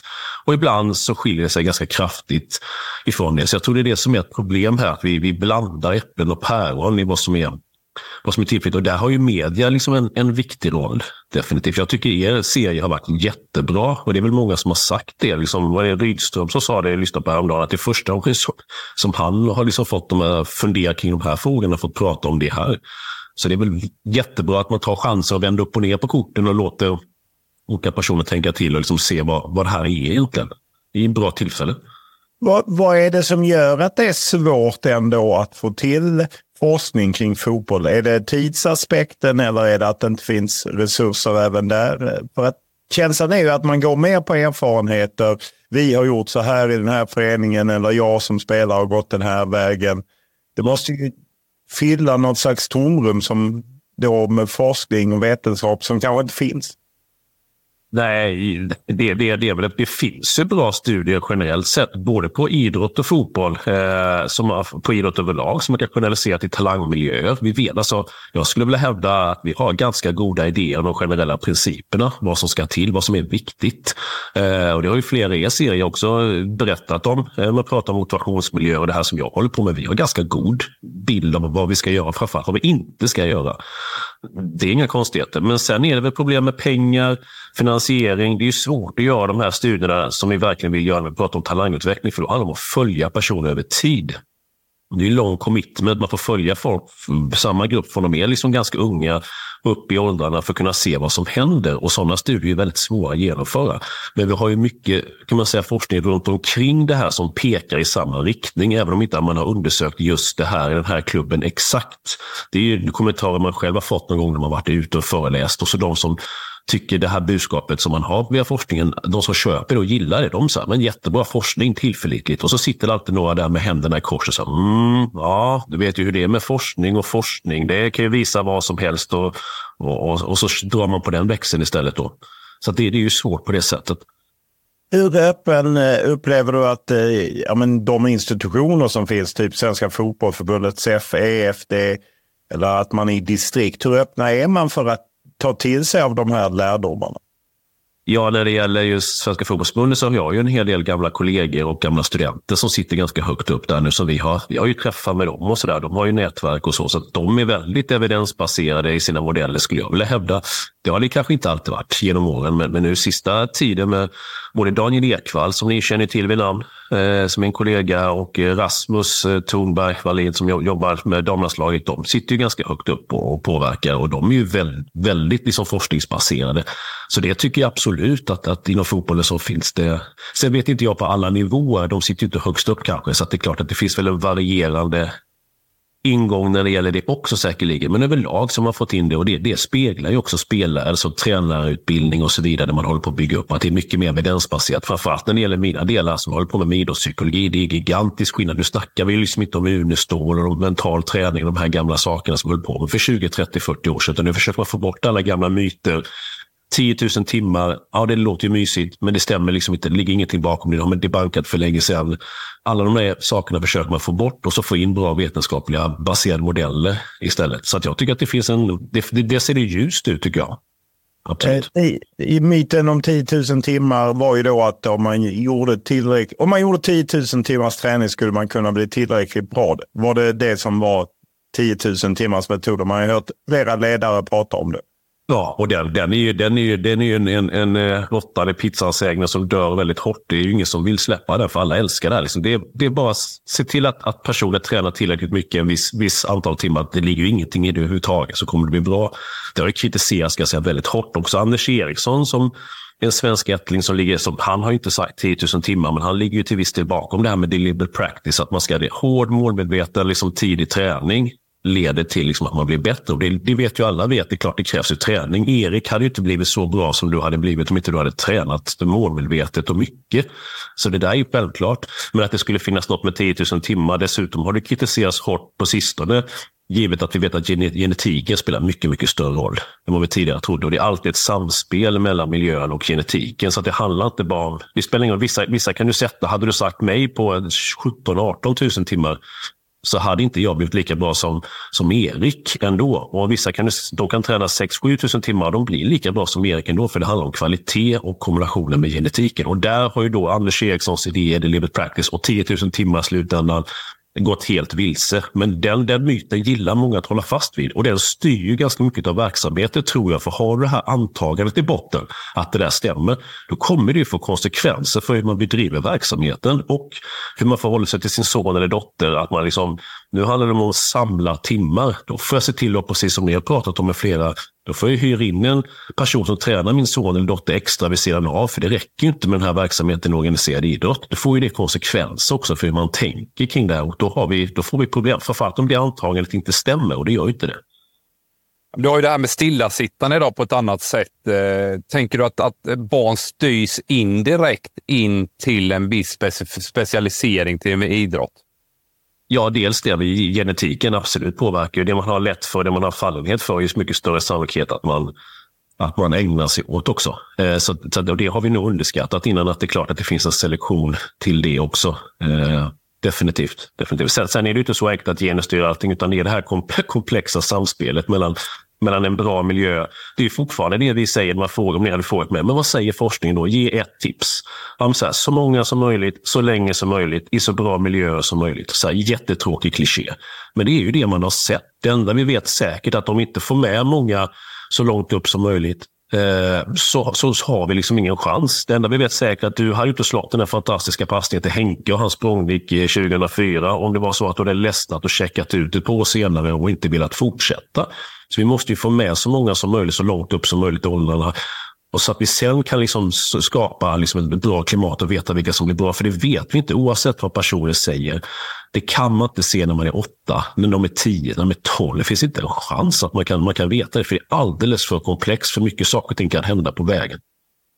Jag tänker där kring miljön vill jag in lite grann på. För det, det är tydligare att fler och fler av våra landslagsspelare kommer från större städer. Eh, på min tid för hundra år sedan, kommer jag med den gamla klyschan också, där på min tid, eh, eh, så var det mer från mindre samhälle.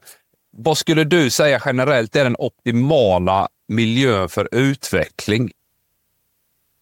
Ja, alltså framförallt är det ju en miljö där det finns möjlighet att, eh, där man vill vara kvar. Som, som ger en chans att utveckla sig, men också där man vill vara kvar. Som tillvaratar alla de psykologiska behoven. Vi pratar ju i psykologin, psykologin ganska mycket om kompetens, autonomi, och samhörighet, tillhörighet till exempel. Att det ska tillfredsställa de behoven. Så att det ska finnas träningsmöjligheter, faciliteter pratar vi rätt mycket om att det ska finnas på plats. Eh, att du ska kunna träna med, med personer som är ungefär lika bra som du är, att du skulle kunna bli sporrad och matchad. Och där är det en intressant diskussion med, med nivåindelning som vi pratar rätt mycket om. Hur gör man det på ett bra sätt? Så att liksom både de som är lite längre fram och de som, de som är lite längre bak i utvecklingen, att de känner stimulerande, att de vill komma dit. Hur gör vi det på ett bra sätt? Det är ju det som är utmaningen egentligen. Eh, att göra det på, på ett bra... Jag har haft intressanta diskussioner med Anders Bengtsson i Offside flera gånger liksom, kring hur gör vi det på ett praktiskt sätt, på, på, på ett vettigt sätt. Och det där är ju svårt. Alltså. Men jag tror att det handlar om det, skapa en miljö så att de här pusselbitarna finns på plats och framför allt undvika så att det finns utslagningsmekanismer på plats. För dropout är ju den största fienden vi har när det gäller talangutveckling och fysisk aktivitet som du är inne på Erik också. Allt det där är ju samma fiende. Det är ju dropout, att, att, att våra barn och unga ja, hoppar av och inte vill vara med längre av olika anledningar. Eh, det finns ju en dansk som heter Rasmus Ankersen som eh, dels skrivit böcker och håller mycket föredrag, men han har ju varit involverad i Midtjylland och Brentford. Nu tror jag han är delägare i Southampton. Han har ju skrivit både böcker och gjort filmer om det här, liksom vissa kluster. Jag tror han var i Tärnaby, apropå slalomåkare, och om det var i Kenya, men där det kom alla löpare ifrån. Han är i Härning, där nästan alla danska NHL-spelare kommer ifrån. Finns det någon forskning som visar just den typen av, av kluster där man på något sätt får eh, ja, skapa någonting som gör att man på ett visst eh, ställe tar fram eh, väldigt många talanger eller väldigt många skickliga på ett område? Eller är det slumpen?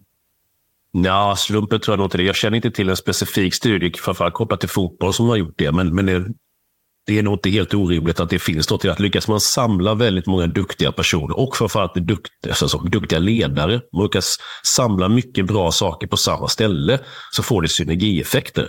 Det vore ju konstigt annars. Sen har man ju en diskussion, det finns ju något som heter Big Fish Little Pond som man pratar om då. Liksom att kommer man som, som, som Erik sa, som en talang från en liten miljö där man har varit den största fisken i en ganska liten pöl så får det konsekvenser för ens självförtroende, självbild och sådär motivation.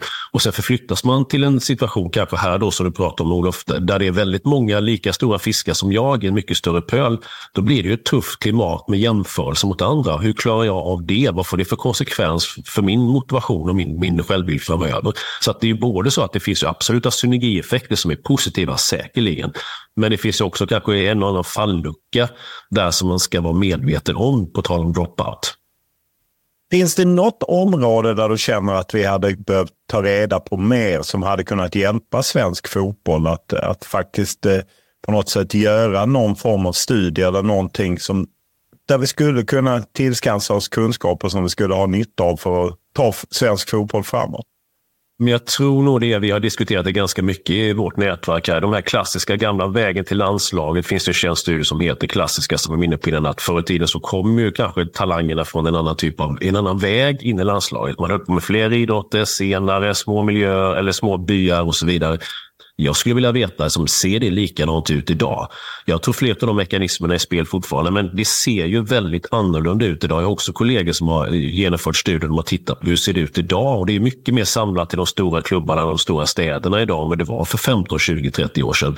Det hade varit intressant att göra en, en, en noggrann studie på det och följa och se liksom vilka saker och ting gäller fortfarande när det gäller det här med många olika vägar fram till fram till hur bra man blir när man blir senior, mot hur ser det faktiskt ut idag? Och ser det annorlunda ut? Jag menar, har kartan, har, har, har, har spel, liksom, planen ritats om i samhället, vilket det säkerligen har gjort. Eh, ty, oavsett vad vi tycker om det. Hur ska vi liksom förhålla oss till det idag då, när spelplanen är annorlunda? Vilka principer gäller fortfarande och vilka, liksom är, vilka är ganska nya att tänka kring? Det hade jag varit nyfiken på, att kunna göra en noggrann studie på det där. Jag vet att, eh, som, som jag sa, vissa av mina kollegor håller på att titta lite grann på det där, så vi får se de, vad de kommer fram till. Vad hade varit eh, viktigt för att lyckas med att få ut information? För om man tänker, jag menar det är runt 3000 föreningar, Svenska fotbollsförbundet, om det är 24 distrikt och, och allt det här. Eh, och, och jag kan precis se att, att det finns många som har varit med länge som känner att ah, men jag, vi tror på det vi gör, så att säga. Vi gör som vi alltid har gjort, som, man, som jag har hört många gånger, inom fotbollsfamiljen. Hur, hur ska man jobba för att få ut information om att 10 000 timmar stämmer inte, det här stämmer inte och liksom det här är vi ska försöka liksom hålla igång så många som möjligt så länge som möjligt i, i så bra miljöer som möjligt. Mm. Jag tror för det första att det är, en, det är en, eh, viktigt att man liksom förklara tydligt vad forskning är och vad är bakgrunden till det. Det är en pedagogisk utmaning till viss del. För de flesta som jag sa tror jag har en väldigt luddig bild, oklar bild och i värsta fall missvisande bild av vad vetenskap och kunskap är och hur det skiljer sig åt, som vi sa i början, från, från lite löst tyckande. Sådär. Så det är en pedagogisk modell att vi måste, som håller på med det måste ju vara mycket mer ute och aktiva i debatten och liksom försöka bidra till det här.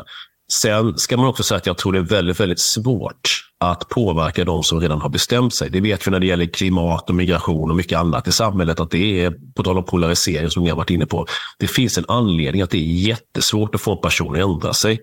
För att vi, vi funkar på det sättet. När vi väl fått in en, en, en idé i huvudet, att vi tror på 10 000 timmar, eller att jag kan plocka ut en person, hur bra de ska bli när de är sju eller åtta år, så kommer det inte spela någon roll om det kommer någon jäkla professor och berättar att saker och ting, det är nu att det inte håller. För jag kommer hålla kvar vid det ändå. Så att vi vet att de här försvarsmekanismerna, och vi funkar ju på det sättet hur vi tänker. Så att man kanske också ska ha en realistisk bild i att det kommer inte gå att liksom ändra vissa personers åsikter på det sättet. Utan man får kanske ha liksom en idé om att vi ska försöka nå folkbilda så mycket som möjligt och föra ut de här idéerna så att vi kan få förändring på, på bred front. Jag menar, och det är bra för klimat, jag menar, det är bra för debattklimatet tycker jag, att det finns liksom vitt skilda åsikter där vissa kanske inte alls har någon koppling till forskningen och vissa kanske är lite mer evidensbaserade, det är ju bra för då blir det en spännande debatt om inte annat. Så det behöver, vi behöver också en bredd i åsikter. Är det verkligen så? Det var kring att man inte kan plocka ut. Jag satt faktiskt med en, en elittränare väldigt nyligen, jag ska inte hänga ut hen, eh, men som var, menade liksom att ja, men om, om jag har en grupp på tioåringar så kan jag se vilka tre som har möjlighet.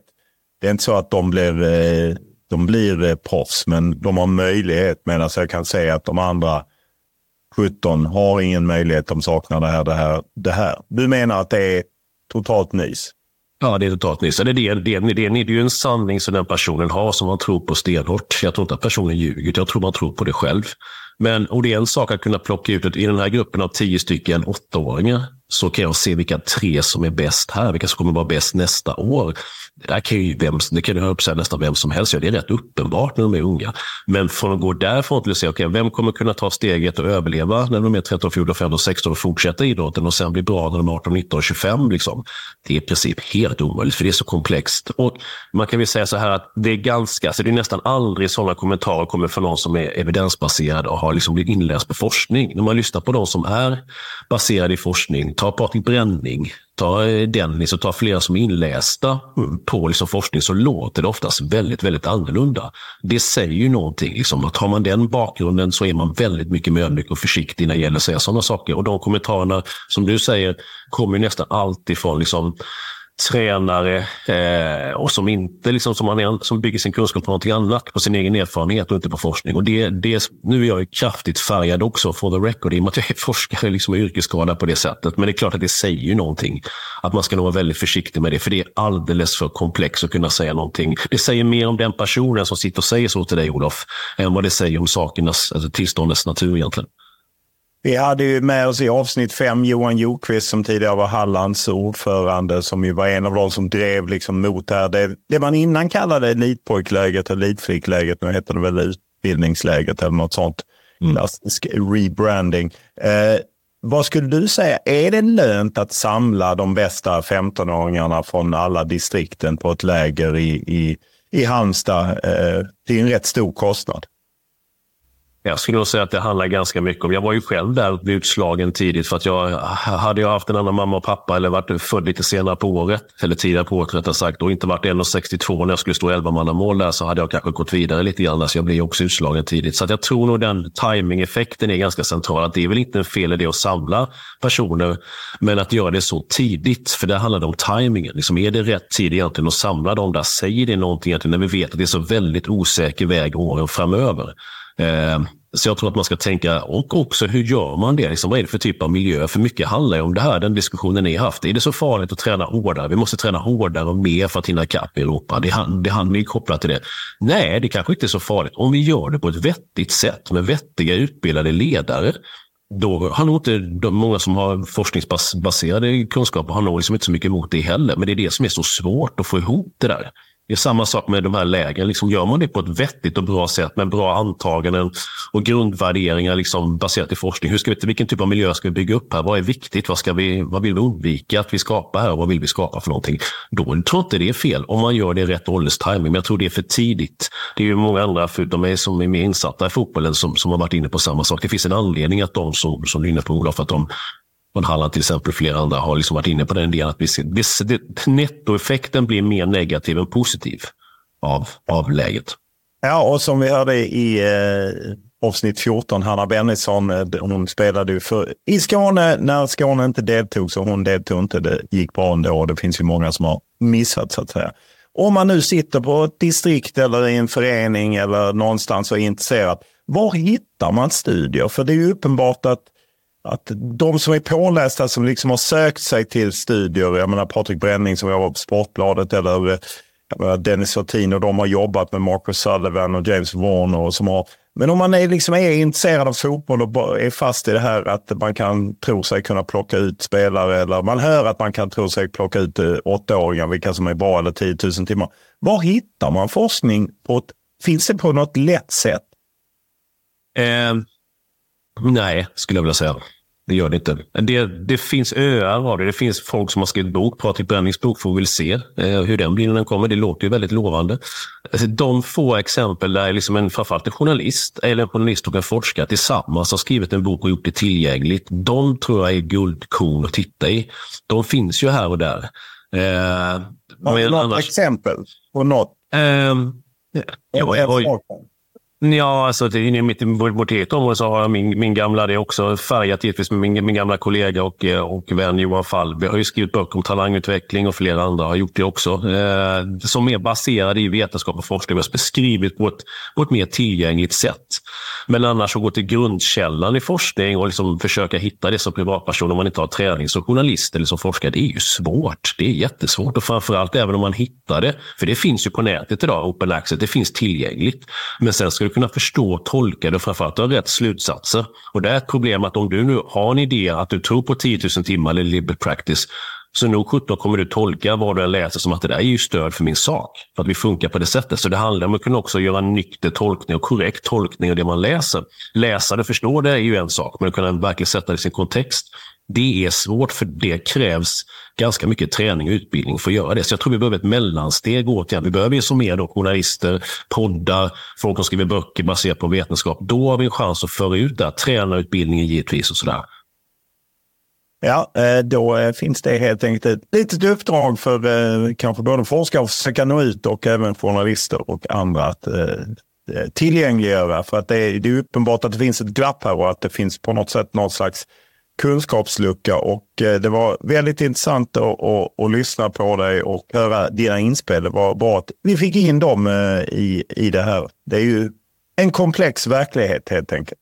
Ja, Nej, men ni gör ett fantastiskt jobb ska jag säga, för det här, är, det här behövs göras och ni har gjort det på ett väldigt balanserat och snyggt sätt. För det är som ni säger, det finns så mycket olika starka åsikter i olika ringhörnor och det är, det en väldigt infekterad debatt. Så att jag tycker ni hanterar det på ett delikat och schysst sätt och liksom låter olika personer från olika sidor komma fram. Och, eh, det, det, finns ju så mycket, men hade jag haft en kurs kring talangutveckling så hade jag ju haft den här poddserien som liksom en, en, en del i kursen som man skulle lyssna och diskutera. Det innehåller ju hur mycket värdefull information här som möjligt. Så det, ni gör ett fantastiskt jobb.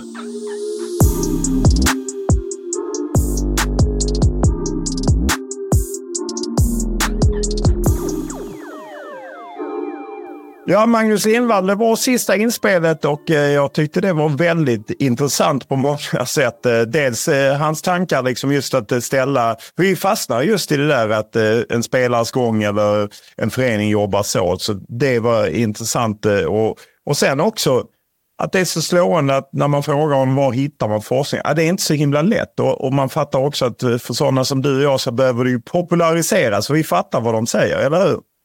Ja, det är det och det är så många olika saker som spelar in i en ung persons utveckling och utbildning. Eh, var bor man? Miljön pratar vi lite grann om.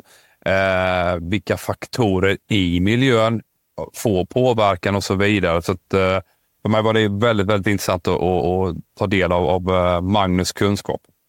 Ja, och vill man det jag frågar om Rasmus Anker så jag tror hans film finns på Youtube och böcker tycker han är väldigt intressant. Eh, jag säger inte att det är enda vägen eller något sånt, men jag bara tycker att det är intressant för han har ändå djupdykt eh, i lite olika områden hur man får fram eh, talanger och varit skicklig med både Midtjylland och Brentford. Ja, han har ju, det finns på Youtube där, Gold Mine Effect, där han har besökt olika ställen runt om i världen som, som är kända för att vara otroligt och extremt skickliga på att ta fram idrottare i olika idrotter i olika miljöer. Och Eh, han kommer från Härning som du nämner. Där. De här fem NHL-spelarna i lilla, lilla Härning. Danmark är inget hockeyland och, och, just det här med miljön på en liten ort med, med, med förebilder också. Vi har ju liknande exempel. Vi har ju lyft Jonas Tern till exempel, hans class of 92 med, med, med sonen Simon, Loret Sadiko, eh, Viktor Claesson och otroligt många spelare. Och där, där får jag många sådana här, eh, man drar många paralleller med den filmen som ligger hos Viaplay som heter Miracle of Hockey in the middle of nowhere. Eh, som jag tycker eh, man definitivt ska ta och se om man, man har Viaplay. Och vi har inte eh, gett upp vår dröm om att prata med Jonas Tern. Vi har ju försökt nå honom, det ska sägas, i, i denna poddserien, men eh, jag vet inte om det är förbundskaptensdiskussionerna som har gjort att det har varit svårt att få eh, att han lyfter luren. Men om man lyssnar på detta så vill vi gärna ha med honom. För att jag tycker han är en av de intressantaste som finns i svensk fotboll. Jag hade så gärna sett att han eh, på något sätt att man tankar av honom information eller på något sätt involverad honom. Jag, jag tror att både du och jag är överens om det, att han har någonting. Eh, sen kanske han inte passar in i den eh, formen som gäller för Svenska fotbollsförbundet. Eh. Men eh, vi hoppas på det och annat så är detta liksom, detta är avslutningen på vår poddserie avsnitt 15. Men vi hoppas få ihop antingen en, en podd med fotbollschef Kim Källström som ju var intresserad. Han tycker det var viktigt att fotbollsförbundet deltar. Eller en lite bredare debatt. Vi vet inte riktigt. Nu ska vi gå på julledighet och eh, så. Men vi kommer tillbaka i januari på något sätt för att knyta ihop det och liksom mer hitta ännu mer svar eller försöka hitta ännu mer svar. Men det är inte så himla lätt eh, att hitta svar för att eh, det, det finns många svar på, fler, på de flesta frågor. Ja, definitivt. Eh, och just det här som, som Magnus är inne på, evidensbaserad forskning och hur komplext det är och vilka grupper man ska följa över så pass lång tid gör att det blir otroligt svårt att, att få ett svar. Och det har ju du varit inne på flera gånger också. Det finns inte en väg för, för alla, utan eh, många olika vägar eh, till toppen eh, på olika sätt. Ja, eh, och jag, jag säger som Magnus Lingvall. Tänk om jag hade fattat att jag var född sent på året. Då kanske jag hade hängt med länge i handbollen. Istället för blivit en dropout. Men det kanske inte hade hjälpt. Men det hade varit roligt att hålla på längre än vad jag gjorde. Ja, ja. God jul och gott nytt år Erik, så syns vi på andra sidan. Tack samma.